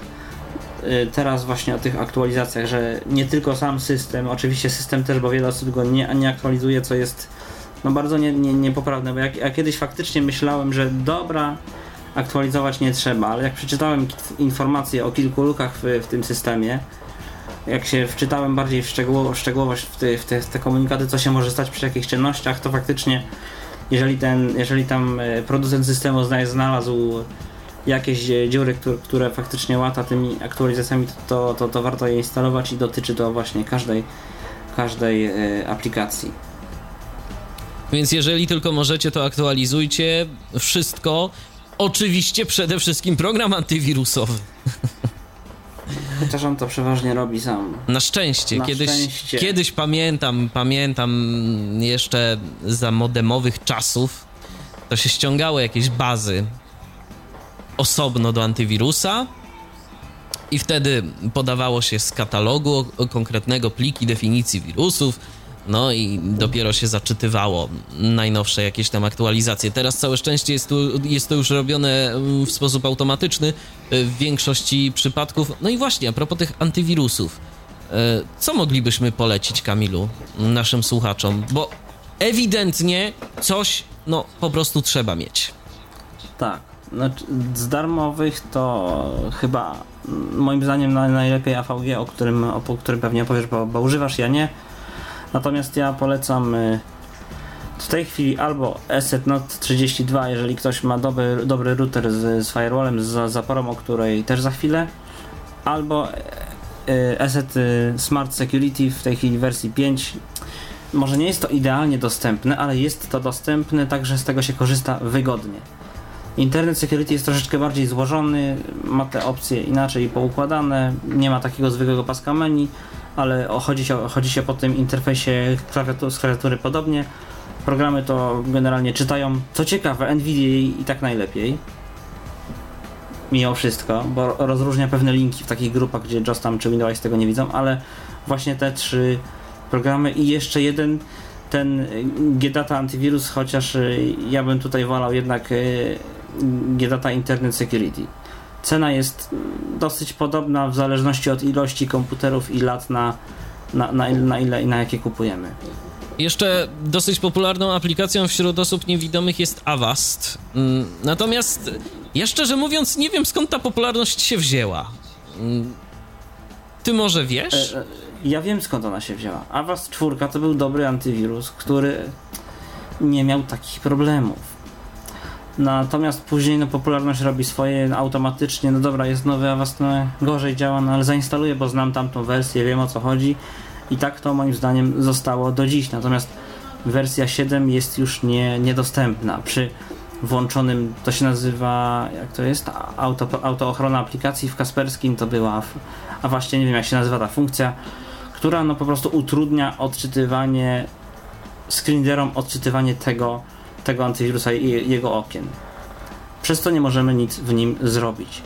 W dodatku teraz w nowym Awaście przy, przy deinstalacji po prostu trzeba albo po prostu na, na wyczucie, na, na to albo, że się uda, na chybił trafił, że się uda albo lub nie uda, trzeba wcisnąć odpowiednio tam literkę tak, żeby go odinstalować, albo nawet w trybie awaryjnym, bo niektórzy już próbowali i nie wyszło im, po prostu bez oka się nie, nie obejdzie, jak to się popularnie u nas ostatnio mówi. Ale w ogóle za Wastem to już chyba wcześniej były takie problemy, że dosyć często trzeba było sobie radzić e, za pomocą tego narzędzia e, z trybu awaryjnego. I właśnie dlatego ja się tak dziwiłem, skąd taka popularność, bo ja od lat wielu korzystałem właśnie z AVG, e, jakoś nigdy mnie do Avasta nie ciągnęło i i nie wiem, no, dla osób niewidomych to ten Avast to, to, to nie jest takie najlepsze rozwiązanie. Ja wiem, że jest on darmowy, ale moim zdaniem, no po prostu chociażby przez te problemy właśnie, że nie możemy mm, tak łatwo się go pozbyć, bo wiadomo, no czasem może się zdarzyć tak, że nam się coś tam uszkodzi w tym oprogramowaniu antywirusowym. Chociaż powinno być ono Aha. niezawodne, y, to jednak różnie jest y, i trzeba je przeinstalować, czy jakoś tam naprawić. No i jeżeli nie możemy tego zrobić, no to mamy duży problem. Tak, dlatego tak jak powiedziałem, no y, są te dyski ratunkowe różnych tych aplikacji, no ESET ma taką funkcję, wiem, że Kasperski ma też taką funkcję. Rescue Disk to się nazywa, albo jakaś inna funkcja, taka startowa, gdzie, gdzie jest po prostu nieuszkodzony, nieza, niezainfekowany taki podsystem, który tam skanuje ten dysk. Natomiast my go nie, nie obsłużymy i dlatego jest ważne, żeby taki program dobrze sobie dobrać, zainstalować go, ustawić go tak jak trzeba, bo bo domyślne ustawienia też nie zawsze są dobre. Oczywiście. Trzeba pogrzebać y, zawsze gdzieś tam w ustawieniach. Przynajmniej no, co jakiś czas warto. Tak, i, i później, bo wiele już z tych programów posiada taką funkcję, zapisać sobie plik, plik i chyba inni to jest, albo, albo tam, nie wiem, CFG, chyba teraz niektóre tam mają. Te, gdzie tam na przykład ja mam w Esecie taki plik już chyba od dwóch lat, gdzie mam wszystkie po prostu reguły dla wszystkich programów, dla IP, dla moich sieci, gdzie często się przemieszczam, jeżdżę z laptopem i tak dalej. I ja nie, nic nie muszę już od tych dwóch lat ustawiać, odkąd, odkąd mam ten program. To jest też cie- ciekawe bardzo. Poustawiać Dlatego po prostu wystarczy- raz i to działa. Tak, i to, i to po prostu działa, bo się plik importuje i są, działa, ustawienia są takie jak trzeba. Bo trochę, trochę tej, żeby ten komputer chodził optymalnie, to w każdym y, programie jest to troszeczkę inaczej i dla każdego komputera też inaczej trzeba go ustawić. No tak jak właśnie Robert Łabęcki pokazywał y, y, mm, y, GData Antivirus mówił o swoim komputerze, że tamtym, że, że jest po prostu wolniejszy i tam wyłączał jeden skaner. Tak samo na przykład y, nawet na nowych komputerach, tych takich, które ja mam, nie, nie są one na, oczywiście naj, najnowsze, ale, ale są w miarę nowe, to po prostu trzeba racjonalnie dobrać te, to korzystanie z zasobów przez program. Kiedy na przykład, kiedy ma skanować pliki z poczty, kiedy otwierane pliki, kiedy wykonywane i czy jak ma wykonywać skanowanie, skanowanie automatyczne, archiwa do jakiej wielkości, bo na przykład no wiadomo, że nie będziemy skanowali jakiegoś pliku RAR, który ma 300 GB, a nasz dysk, nasz, na, nasz dysk ma, ma na przykład 1,5 terabajta, bo będzie to trwało powiem tak, bardzo długo. Ile? Nie wiem. Na pewno kilkanaście do kilkudziesięciu godzin. Co może nam mocno życie utrudnić. Dlatego na takie rzeczy jak właśnie parametry skanowania, yy, sposób działania, na przykład blokowanie różnych zagrożeń, trzeba sobie dostosować indywidualnie, bo to nam ułatwi reakcję na zagrożenia. Oczywiście, że tak i to zawsze gdzieś tam warto, warto się temu przyjrzeć. Natomiast właśnie powiem ci szczerze, że mm, za VG mm, ja akurat mm, nie specjalnie musiałem zbyt y, wiele ingerować. Po prostu ten program instalujemy. Y, Wiadomo, że gdzieś tam y, warto sobie trochę po, pogrzebać w opcjach, ale nie jest to jakieś y, dużo, nie jest to mm, wiele konfiguracji. No i można sobie w zasadzie zapomnieć o tym, że mamy antywirusa zainstalowanego, ten program po prostu sobie gdzieś tam w tle chodzi i, i go praktycznie nie zauważamy. Niestety, co muszę powiedzieć, to instalator AVG od pewnego czasu stał się mało przyjazny dla nas i instaluje jeszcze takie paski do przeglądarek. Z jednej strony to jest y, bezpieczne, ale mnie na przykład denerwuje, że on mi tam podmienia wyszukiwarkę, więc y, ja szczerze mówiąc z tego osobiście zrezygnowałem. Może to nie było najrozsądniejsze, no ale, ale tak po prostu zrobiłem i to już y, każdemu użytkownikowi pozostawiam no, decyzję, co, co z tym zrobi. Mamy telefon, Paweł się do nas dodzwonił. Witaj, Pawle. Dobry wieczór, witam serdecznie panowie, witam Michał Ciebie, witam Kamila. Eee, Witam, ja witam. tak dzisiaj może za wiele nie wniosę w sensie takim stricte jakimś powiedzmy sobie jakąś poradą czy coś takiego. Przepraszam, dzwoni mi telefon, który wyłączę. Natomiast chciałem się z wami podzielić dwiema informacjami. Czyli pierwszą, czyli sam czego ja używam. Oczywiście nie jest to w żadnym razie reklama, więc tutaj możemy się posługiwać nazwami. A mianowicie, ponieważ jestem za, za routerem, jak tutaj właśnie wspominał Kamil, to ja jako antywirusa używam mm, Noda 32 właśnie, który się bardzo, bardzo fajnie sprawdza. Z tym, że oczywiście tylko w wersji, że tak powiem, jako, jako mm, antywirus. E, przy czym powiem, że mm, jakoś firewalla w routerze szczególnie nie konfiguruję. On po prostu sobie jest. Ale, że no umówmy się, gdyby był jakiś program doskonały, antywirusowy czy, czy firewall, no to po prostu nie byłoby tyle różnego rodzaju aplikacji, w związku z czym co jakiś czas okresowo, przy czym nie jest to jakiś stały okres, no bo wiadomo, po prostu to jest na zasadzie jak mi się przypomni, więc korzystam sobie z tak zwanych skanerów online i albo jest to MKS Vir Scanner Online, bądź też Arcavir, przy czym ten Arcavir jest o tyle fajny moim zdaniem, że po prostu ściągamy sobie aplikację na, na komputer, która na bieżąco pobiera sobie tam e, bazę danych, czyli silnik najpierw, a później bazę danych wirusów, no i sobie skanuje. Jest to dostępne mm, w przypadku JAWSa, gdyż ja tego screenera używam spod poziomu myszki. I muszę Tak, tylko przyznać, spod że myszki. parę... Niestety, No niestety właśnie. ten Arcavir y, tak ma, ale i da się, da się go obsługiwać. Ja miałem wersję I muszę pełną, powiedzieć, także że, jest że parę razy coś, czego Eset nie wykrył, to ten Arcavir znalazł, więc nie było to może coś, e, co nie wiem, jakoś tam mogło doprowadzić do dezintegracji systemu, czy powiedzmy danych posiadanych, ale coś, co gdzieś tam sobie się działo e, i, że tak powiem, w jakimś sensie było szkodliwe. Natomiast druga sprawa, z którą tutaj do Was w jakimś sensie się zgłosiłem, to jest o wirusie, który ostatnio e, nie był może moim udziałem, ale mojej dobrej znajomej i pomagałem, że tak powiem, w reanimacji komputera, przy czym skończyło się na formacie.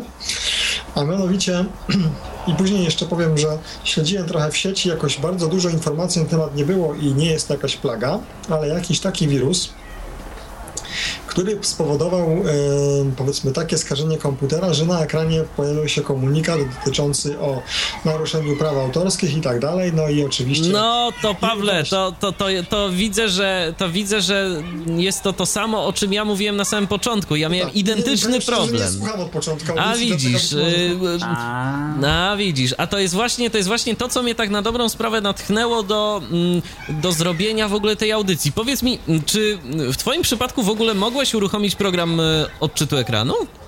E, dało się uruchomić wszystko w zasadzie, tyle tylko, ale?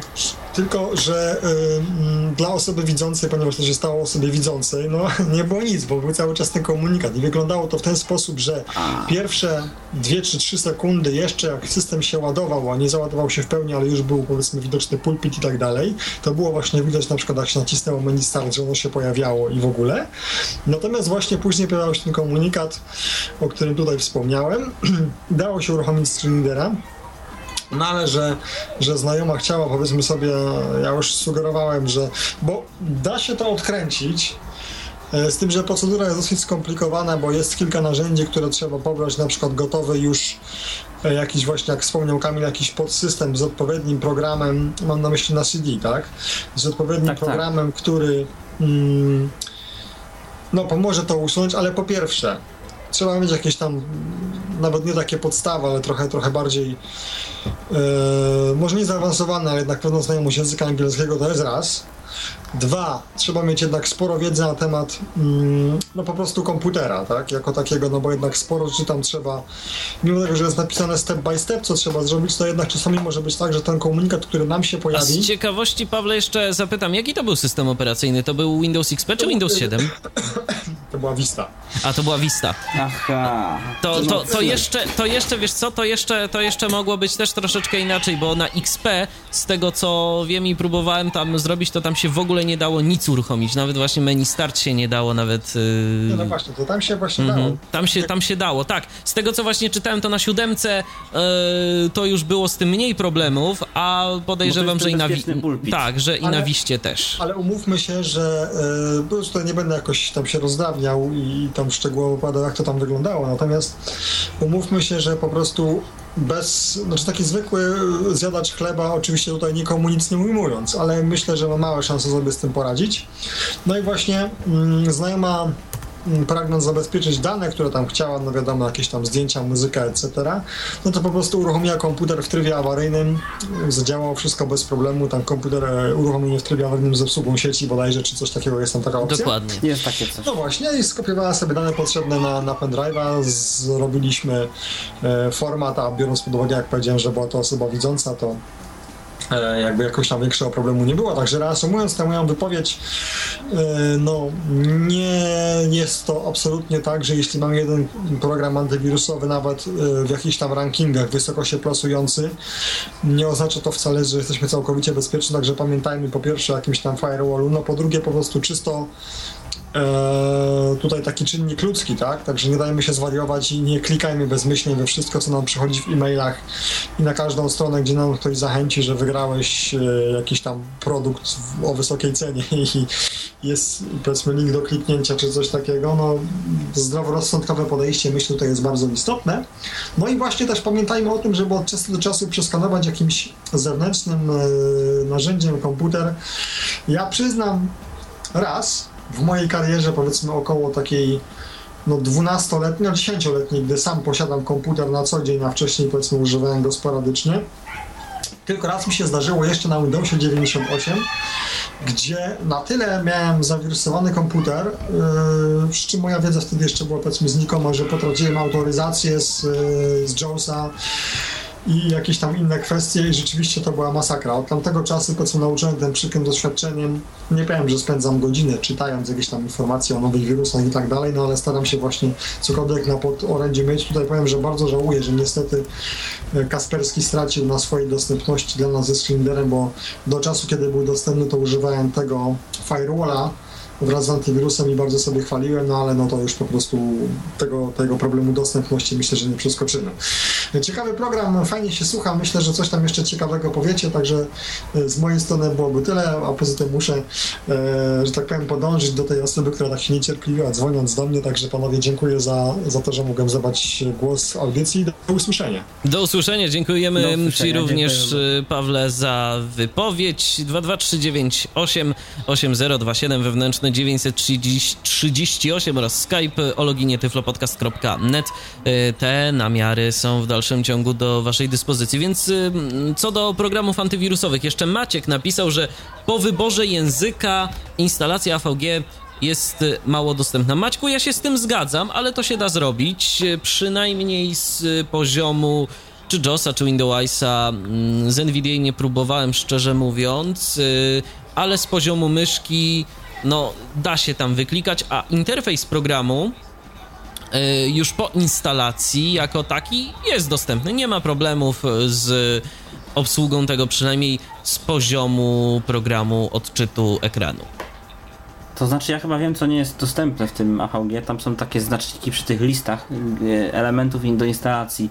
Jak wiesz, kiedy to jest odznaczone, a kiedy nie, bo pewnie To znaczy, tam jest co innego. Tam jest co innego. Tam jest wybór wersji, bo AVG jest w dwóch wersjach: w darmowej i płatnej. I przy instalacji dokonujemy wyboru, której chcemy użyć. I tam w to tak po prostu się. Droga, droga jest ta płatna wersja, bo tak. Szczerze mówiąc, nie wiem. Szczerze mówiąc, nie wiem ile kosztuje i mi zawsze wystarczała darmowa wersja VG. Działa dobrze. No chyba, Nie, że no działa, chcia- chyba, że działa tak źle, że mam już całkiem zawirusowany komputer, a po prostu o tym nie wiem. No też tak może być. Nie, no to jest właśnie to co, to, co Paweł powiedział. Ja doskonale wiem, że w tej. Powiem tak, coś na pewno mamy, aczkolwiek nie jest to niegroźne.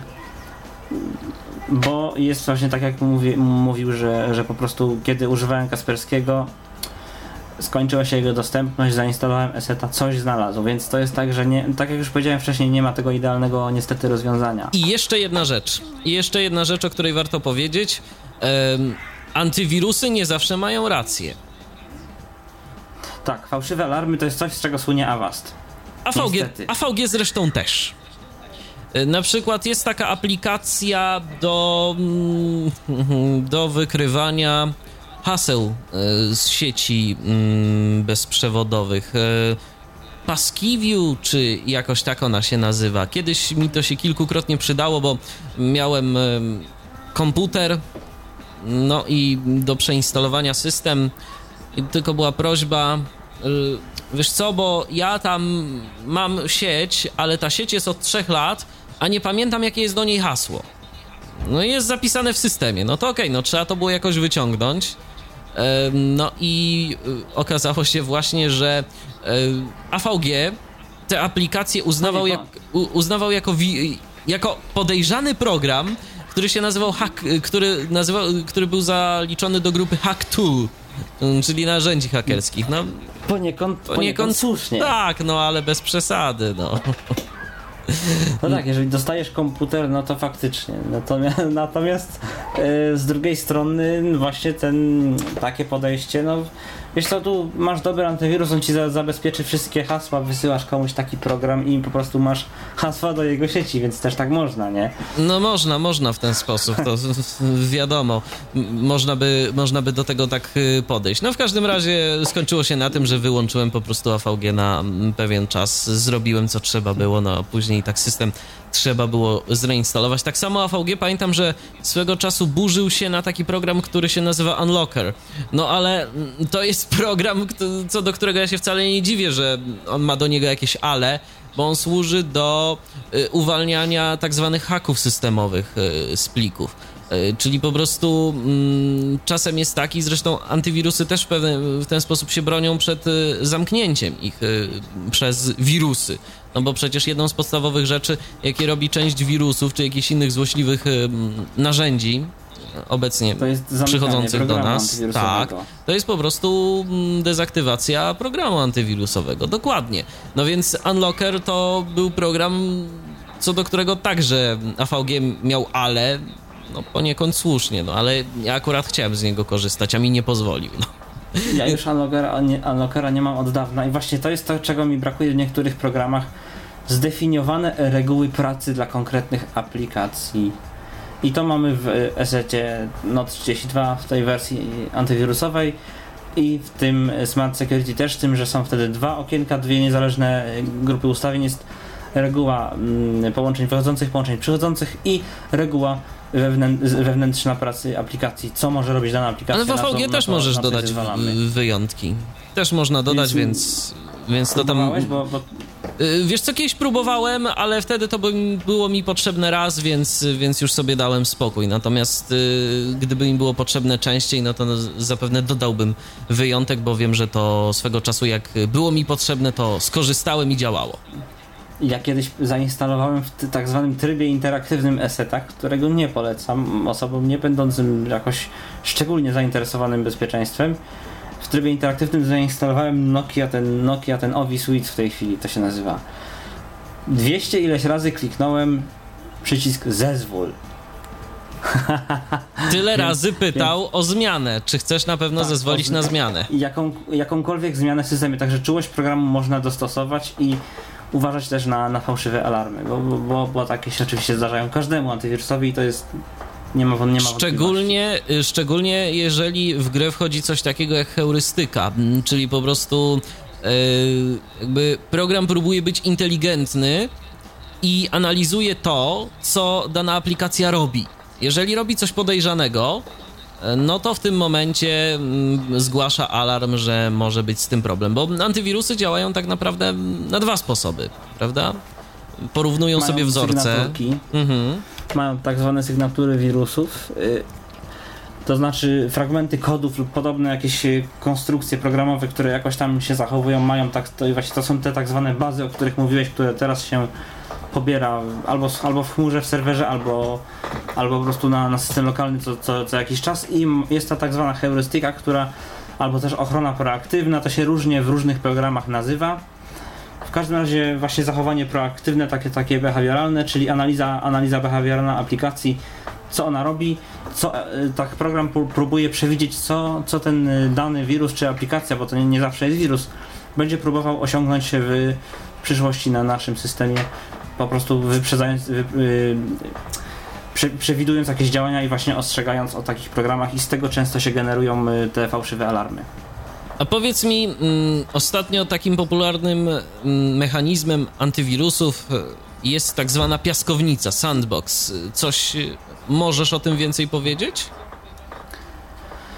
Nie, nie używam tego, tego trybu. To znaczy, yy, to znaczy program mój chyba robi to jakoś tam jakoś automatycznie, że jeżeli, jeżeli, ten, jeżeli, jeżeli coś jest podejrzane, to, to sprawdzi, uruchomi i zadziała. Natomiast generalnie działa to w ten sposób, że program yy, program yy, antywirusowy sy symuluje środowisko uruchomieniowe systemu dla, dla, aplikacji, którą uważa za podejrzaną, gdzieś tam ją chce przenieść do kwarantanny czy coś.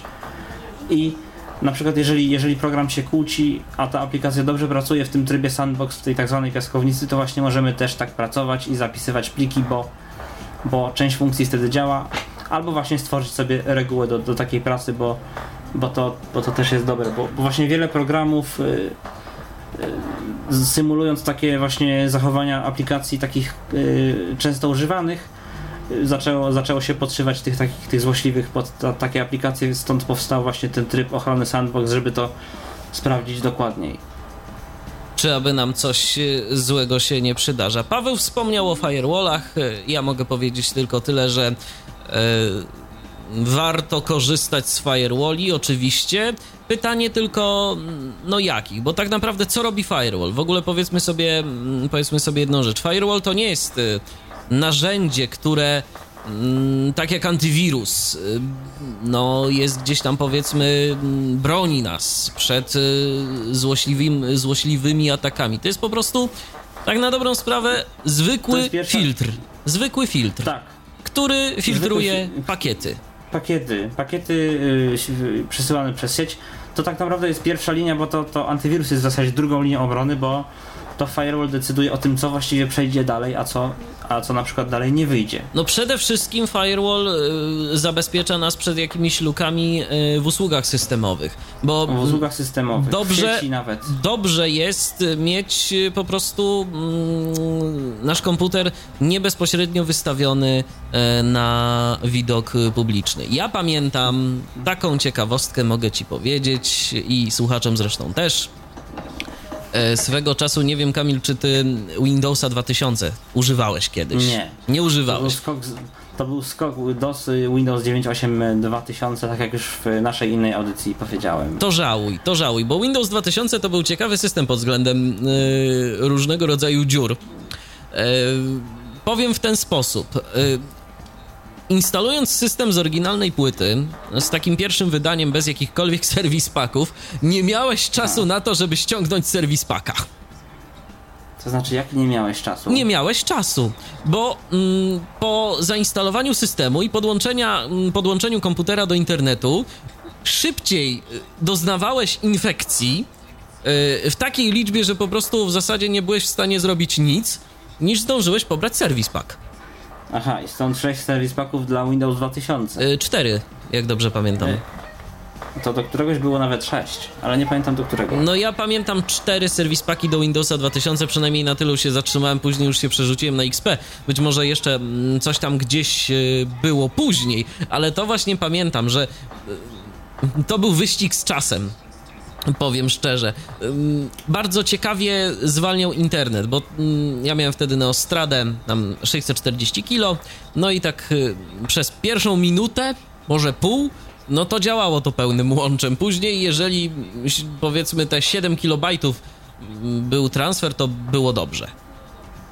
Aha. No nie, to, to, to faktycznie ciężko. No Dlatego i ta oczywiście usługa jest, y, posłaniec, y, to, to, to też y, co chwilę jakieś informacje. No i słynny Saser, który restartował komputer.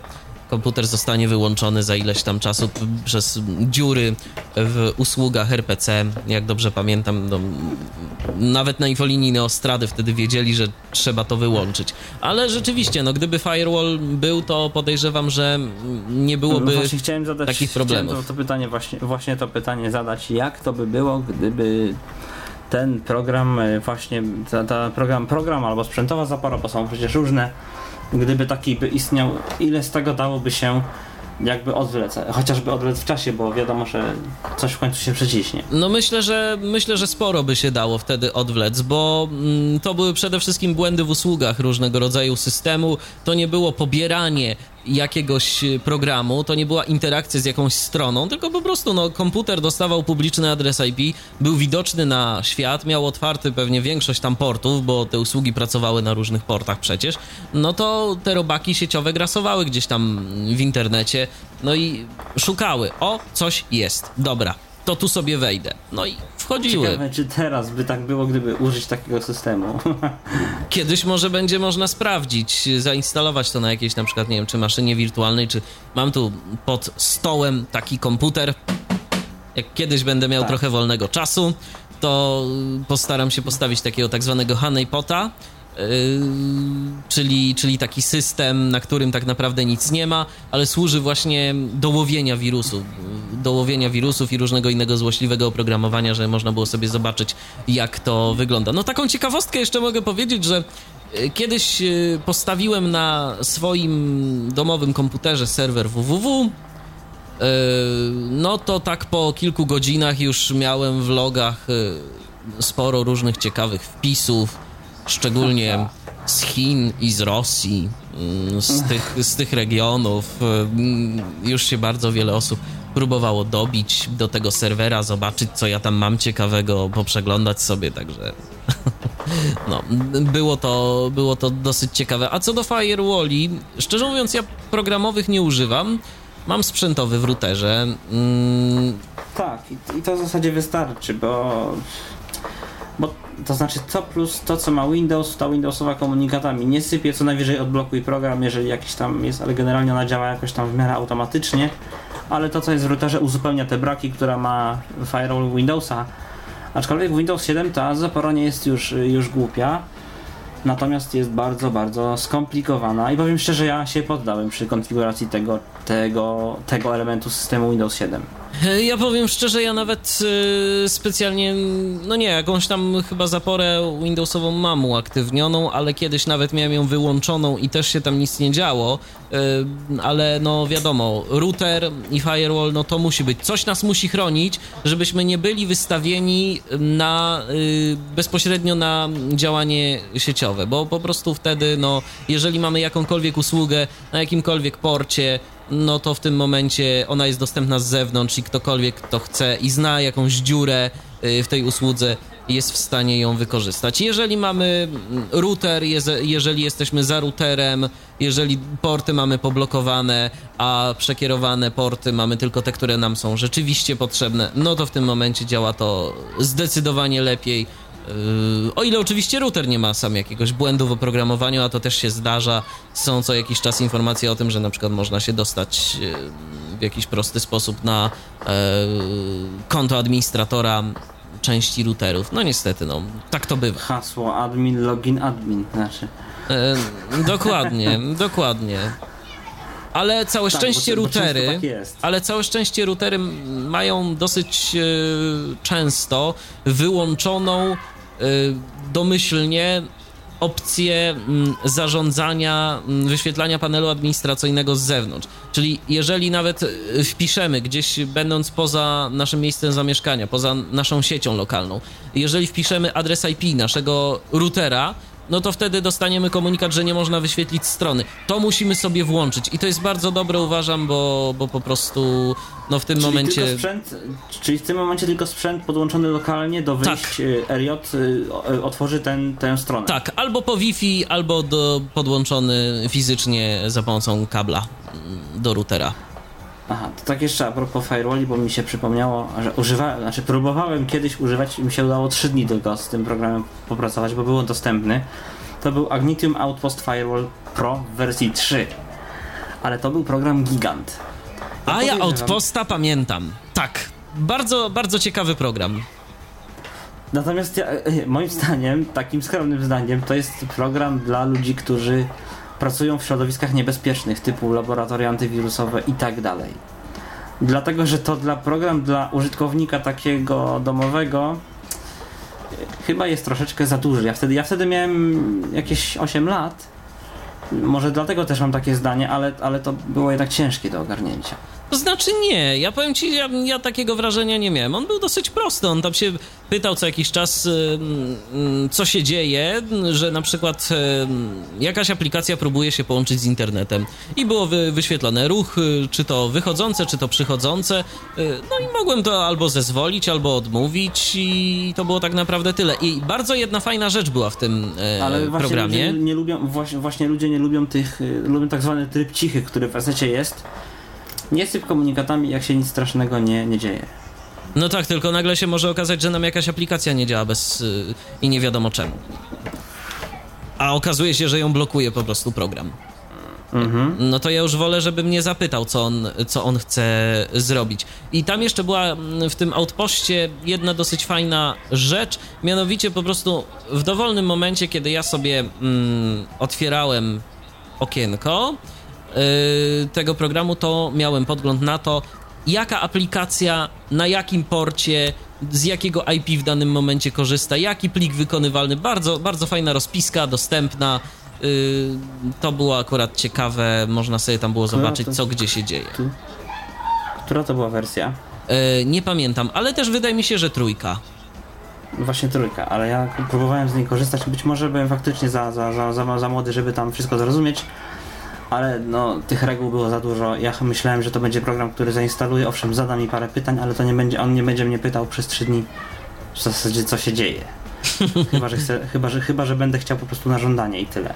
No może jeżeli byś Dlatego- jeszcze trochę wytrzymał, to, to, Tak. to miałbyś z niego pożytek, no ale mówi się... go odinstalowałem. No. Mówi się trudno, Mm, dokładnie.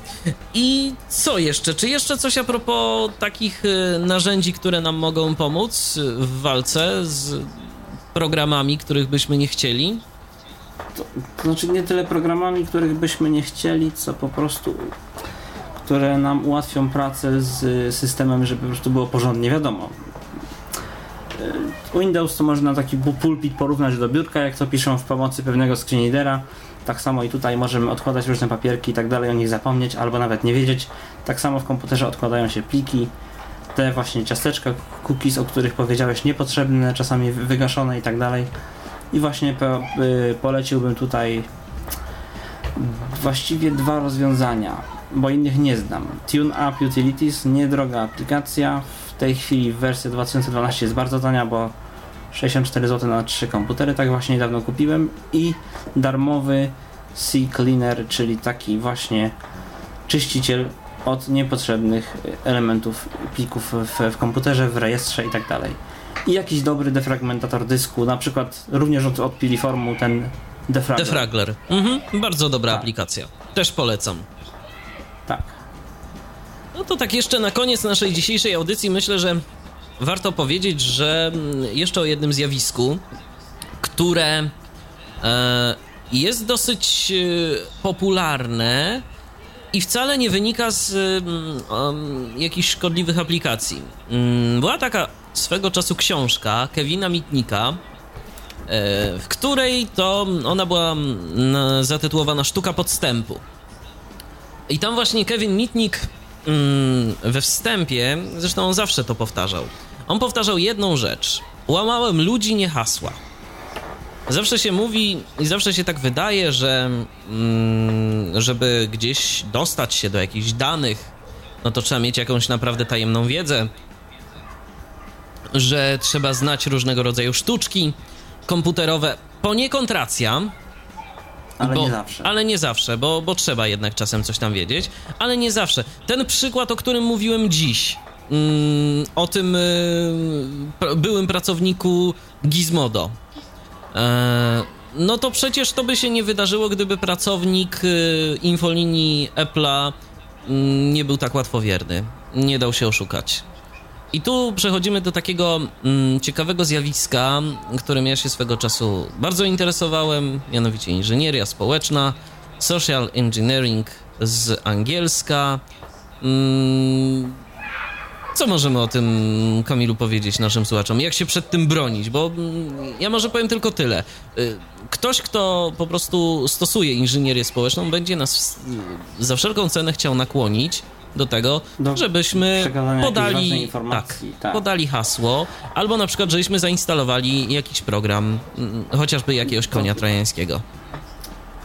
Znaczy, najważniejsze to jest to, żeby mieć po prostu ustalone jakieś tam z tym, z tym instytucją, które mam jakieś strategiczne dane, tak jak na przykład u mnie w banku, gdzie dzwoni kon- konsultant. Jest coś takiego jak hasło imienne właściciela w przypadku dokonywania jakichś najważniejszych zmian, czyli jest telefon, no nie wiem, ma pan tutaj takie i takie ubezpieczenie, czy chce pan je mieć, tam kosztuje tyle i tyle. I teraz tak, normalnie musiałbym iść do oddziału banku, albo właśnie włączyć taką usługę jak ten, ten pan, który, który stracił wszystkie dane swoich i urządzeń, że tak powiem. No ale jest coś takiego jak hasło imienne i przed wykonaniem tej procedury odpowiednio to hasło muszę gdzieś tam podać, gdzie tam je system rejestruje głosowo. Jeżeli się zgadza, to, to procedura przejdzie, jeżeli nie, to nie. Natomiast właśnie trzeba y, mieć po prostu takie jakby trzeba mieć sprawdzone ścieżki i nie ulegać po prostu takim argumentom, który, gdzie tam po prostu nie wiemy. Trzeba, trzeba sprawdzić jakąś informację, popytać ludzi, po, poszukać na stronach. To, to, to, to nie dotyczy właściwie tylko komputerów, ale w ogóle całego życia, bo na przykład inwestujemy gdzieś pieniądze i tak dalej. Po prostu nie należy być jakimś pa- paranoicznie zamkniętym, nie ja mam swoje rozwiązania, tylko po prostu uważać na to, co, co, co nam ludzie proponują i na przykład sprawdzać to zanim jakiś krok wykonamy. Tak się moim zdaniem trzeba przed tym bronić, a nie po prostu ulegać, bo ktoś do nas dzwoni i tak dalej. Zawsze trzeba to jakoś tam zweryfikować e, samemu. No i jeszcze jedna Jeżeli- ważna rzecz, je, jeszcze taka jedna ważna rzecz, ym, to akurat y, y, dotyczy pracy, y, co też myślę, że może być istotne. No chociażby w tej książce Kevina Mitnika był taki przykład, kiedy ym, używało się po prostu jakiegoś autorytetu, ym, odwo- odwołania do autorytetu, żeby ym, uzyskać jakąś informację. Dajmy na to, ym, dzwonił ktoś do jakiegoś pracownika, i wspominał o tym, że y, jakąś informację potrzebuje jego szef. No i teraz mm, właśnie typu jakieś tam, czy, czy jakieś hasło, czy coś, bo na przykład szef zapomniał, jest w delegacji, powiedzmy, a musi się gdzieś tam dostać, a ten pracownik akurat znał to hasło. No i teraz, że musi to temu szefowi podać. Oczywiście sam szef nie dzwonił, a tylko ktoś inny. Ale jeżeli nie poda, to będzie miał jakieś tam kłopoty i tak dalej. No i tu jest sytuacja niebezpieczna. Bo po prostu, y, no, każda firma, mm, która korzysta z rozwiązań informatycznych, powinna mieć coś takiego jak y, taką politykę bezpieczeństwa opracowaną i tej polityki się trzymać. I wszyscy pracownicy powinni mieć świadomość tego, czego nie robić, w jakim zakresie można co robić. No i przede wszystkim także zwierzchnicy powinni uczyć y, mm, pracowników, żeby kwestionować ich decyzje y, albo polecenia, jeżeli nie są tego pewni, że wychodzą od, od nich. No a to jest niestety chyba jeden z większych problemów, no bo wiadomo, każdy chce jakąś tam pracę zachować, a kiedy słyszy informację, no, że tu jakiś tam powiedzmy dyrektor prosi o podanie tego hasła, no to co, no nie pomoże? No pomoże. Nie, No, w tym właśnie. momencie pomoże, ale, ale, ale właśnie może się to okazać fata- fatalne w skutkach dla, dla firmy i, i przede wszystkim dla, dla, dla nas, dla, tej, dla, dla tych, którzy to chcieliśmy tak naprawdę pomóc, a, a nieświadomie bo, bo zrobiliśmy, znaczy świadomie nieświadomie, jeżeli mamy jakąś politykę bezpieczeństwa, okej. Jeżeli nieświadomie, no to niestety. Tak się po prostu może zdarzyć. Tak samo, jeżeli-. Tak samo jeżeli gdzieś poznajemy kogoś, e, na przykład e, w sieci i mm, no jest wszystko fajnie, rozmawiamy sobie gdzieś tam z kimś, e, chociażby o naszych komputerowych problemach. No i ta osoba e, stwierdza, że nam jest w stanie bardzo fajnie pomóc. E, Okej, okay. jest duże prawdopodobieństwo, że ta osoba rzeczywiście chce nam pomóc, ale może być też tak, że po prostu, pod, szczególnie jeżeli nakłaniać nas będzie do instalacji jakiegoś programu, może być tak, że po prostu y, ten program, do którego instalacji nas nakłania, to będzie oprogramowanie niebezpieczne. Jakiś Dokładnie, trojan także- na przykład. Albo jeżeli, jeżeli na przykład właśnie też chce jakiegoś hasła, no słuchaj i tak dalej, takie rzeczy lepiej robić, załatwiać z osobami, które znamy, mieliśmy z nimi wcześniej kontakt i tak dalej. Dokładnie. I tego się naprawdę lepiej trzymać dla no po prostu naszego bezpieczeństwa, no bo nie chcemy przecież stracić danych. Ja pamiętam taki, kiedyś był taki yy, film na YouTubie, e, który mm, pokazywał, jak bardzo niektórzy są zdeterminowani, żeby mm, po prostu przejąć kontrolę nad czyimś komputerem. E, jacyś ludzie dzwonili do mm, człowieka, podając się za pomoc techniczną producenta jego komputera chyba przez trzy dni. E, tak, i, próbowa i próbowali go nakłonić do tego, żeby sobie tam zainstalował e, bodajże mm, no, jakąś aplikację do e, zdalnego dostępu, do, do, do zdalnego dostępu do komputera, no i wtedy wiadomo, co, co już by tam mogli robić e, z tym jego sprzętem. Także mm, on po prostu udawał e, kogoś, kto się nie zna zupełnie na tym. E, No i y, nagrał to i, i gdzieś tam właśnie wyświetlił. Później na YouTubie można sobie było posłuchać, jak, jak rozmawiał z nim. A trzeba przyznać, że ludzie byli naprawdę cierpliwi i y, można by sobie życzyć, żeby wszyscy konsultanci wszystkich infolinii byli tak cierpliwi jak ci mm, złoczyńcy komputerowi. Aha, no tak, to bywa. Ja akurat tej książki nie znam, więc się nie mogę odnieść. No to polecam, polecam tobie i y, słuchaczom naszym, jeżeli kiedyś wam w ręce wpadnie książka Kevina Mitnika Sztuka podstępu, to ja polecam, bardzo fajna książka, przyjemnie się czyta, powiedzmy jeden, dwa dni i i jeżeli mamy trochę czasu, to, to można sobie poświęcić na mm, lekturę. A przy okazji czegoś się dowiedzieć, dowiedzieć się mm, dosyć e, ciekawych rzeczy. Tak już powoli nasza audycja dzisiejsza dobiega końca. Co można, Kamilu, jeszcze na koniec y, gdzieś naszym słuchaczom zasygnalizować? Po prostu pomyśleć, e, tak naj, najprostsza rada, pomyśleć zanim cokolwiek zrobimy, tak chociaż przez chwilę czasami, jak nie jesteśmy pewni, dłużej pomyśleć. I wtedy na, e, na pewno jakieś rozwiązanie przyjdzie do głowy, które, które może faktycznie nas, nas uchronić w, w różnych dziedzinach, nie tylko właśnie w internecie, ale w ogóle w życiu, bo przecież całe życie się uczymy i wiadomo, nie ma idealnych rozwiązań, ale, ale jednak powiedzieliśmy tu kilka rzeczy, które, które jednak warto gdzieś tam sobie za, za, zachować w głowie. Dokładnie. Warto sobie, warto o tym pamiętać, warto mieć na uwadze to, że internet jest naprawdę fajny i to jest wszystko dla ludzi, ale po prostu trzeba być ostrożnym, trzeba zwracać uwagę na to, gdzie wchodzimy, trzeba zwracać uwagę, czy wchodzimy tam, gdzie rzeczywiście chcemy, czy mamy, mm, jeżeli połączenie jest szyfrowane, to czy nasz e, certyfikat SSL jest e, ważny, i podobne rzeczy, na podobne rzeczy trzeba zwracać uwagę, a nasze życie będzie, myślę, że bezpieczniejsze. I na tym e, kończymy dzisiejsze spotkanie z Tyflo Podcastem na antenie Radia N. Gościem moim i waszym był Kamil Żak. Dziękuję ci bardzo, Kamilu. Dziękuję bardzo, dobranoc wszystkim. Do usłyszenia. Kolejne spotkanie z usłyszenia. Tyflo Podcastem już za tydzień po godzinie 19. Ja także dziękuję za uwagę. Spotkamy się, tak jak już wspominałem, za tydzień. Audycję poprowadziłem ja, czyli Michał Dziwisz. My słyszymy się jeszcze w niedzielę po godzinie 20 w mojej autorskiej audycji zatytułowanej z archiwum M. Dziękuję za uwagę i do usłyszenia. Był to Tyflo Podcast. Audycja o technologiach wspierających osoby niewidome i słabowidzące. Audycja współfinansowana ze środków Państwowego Funduszu Rehabilitacji Osób Niepełnosprawnych.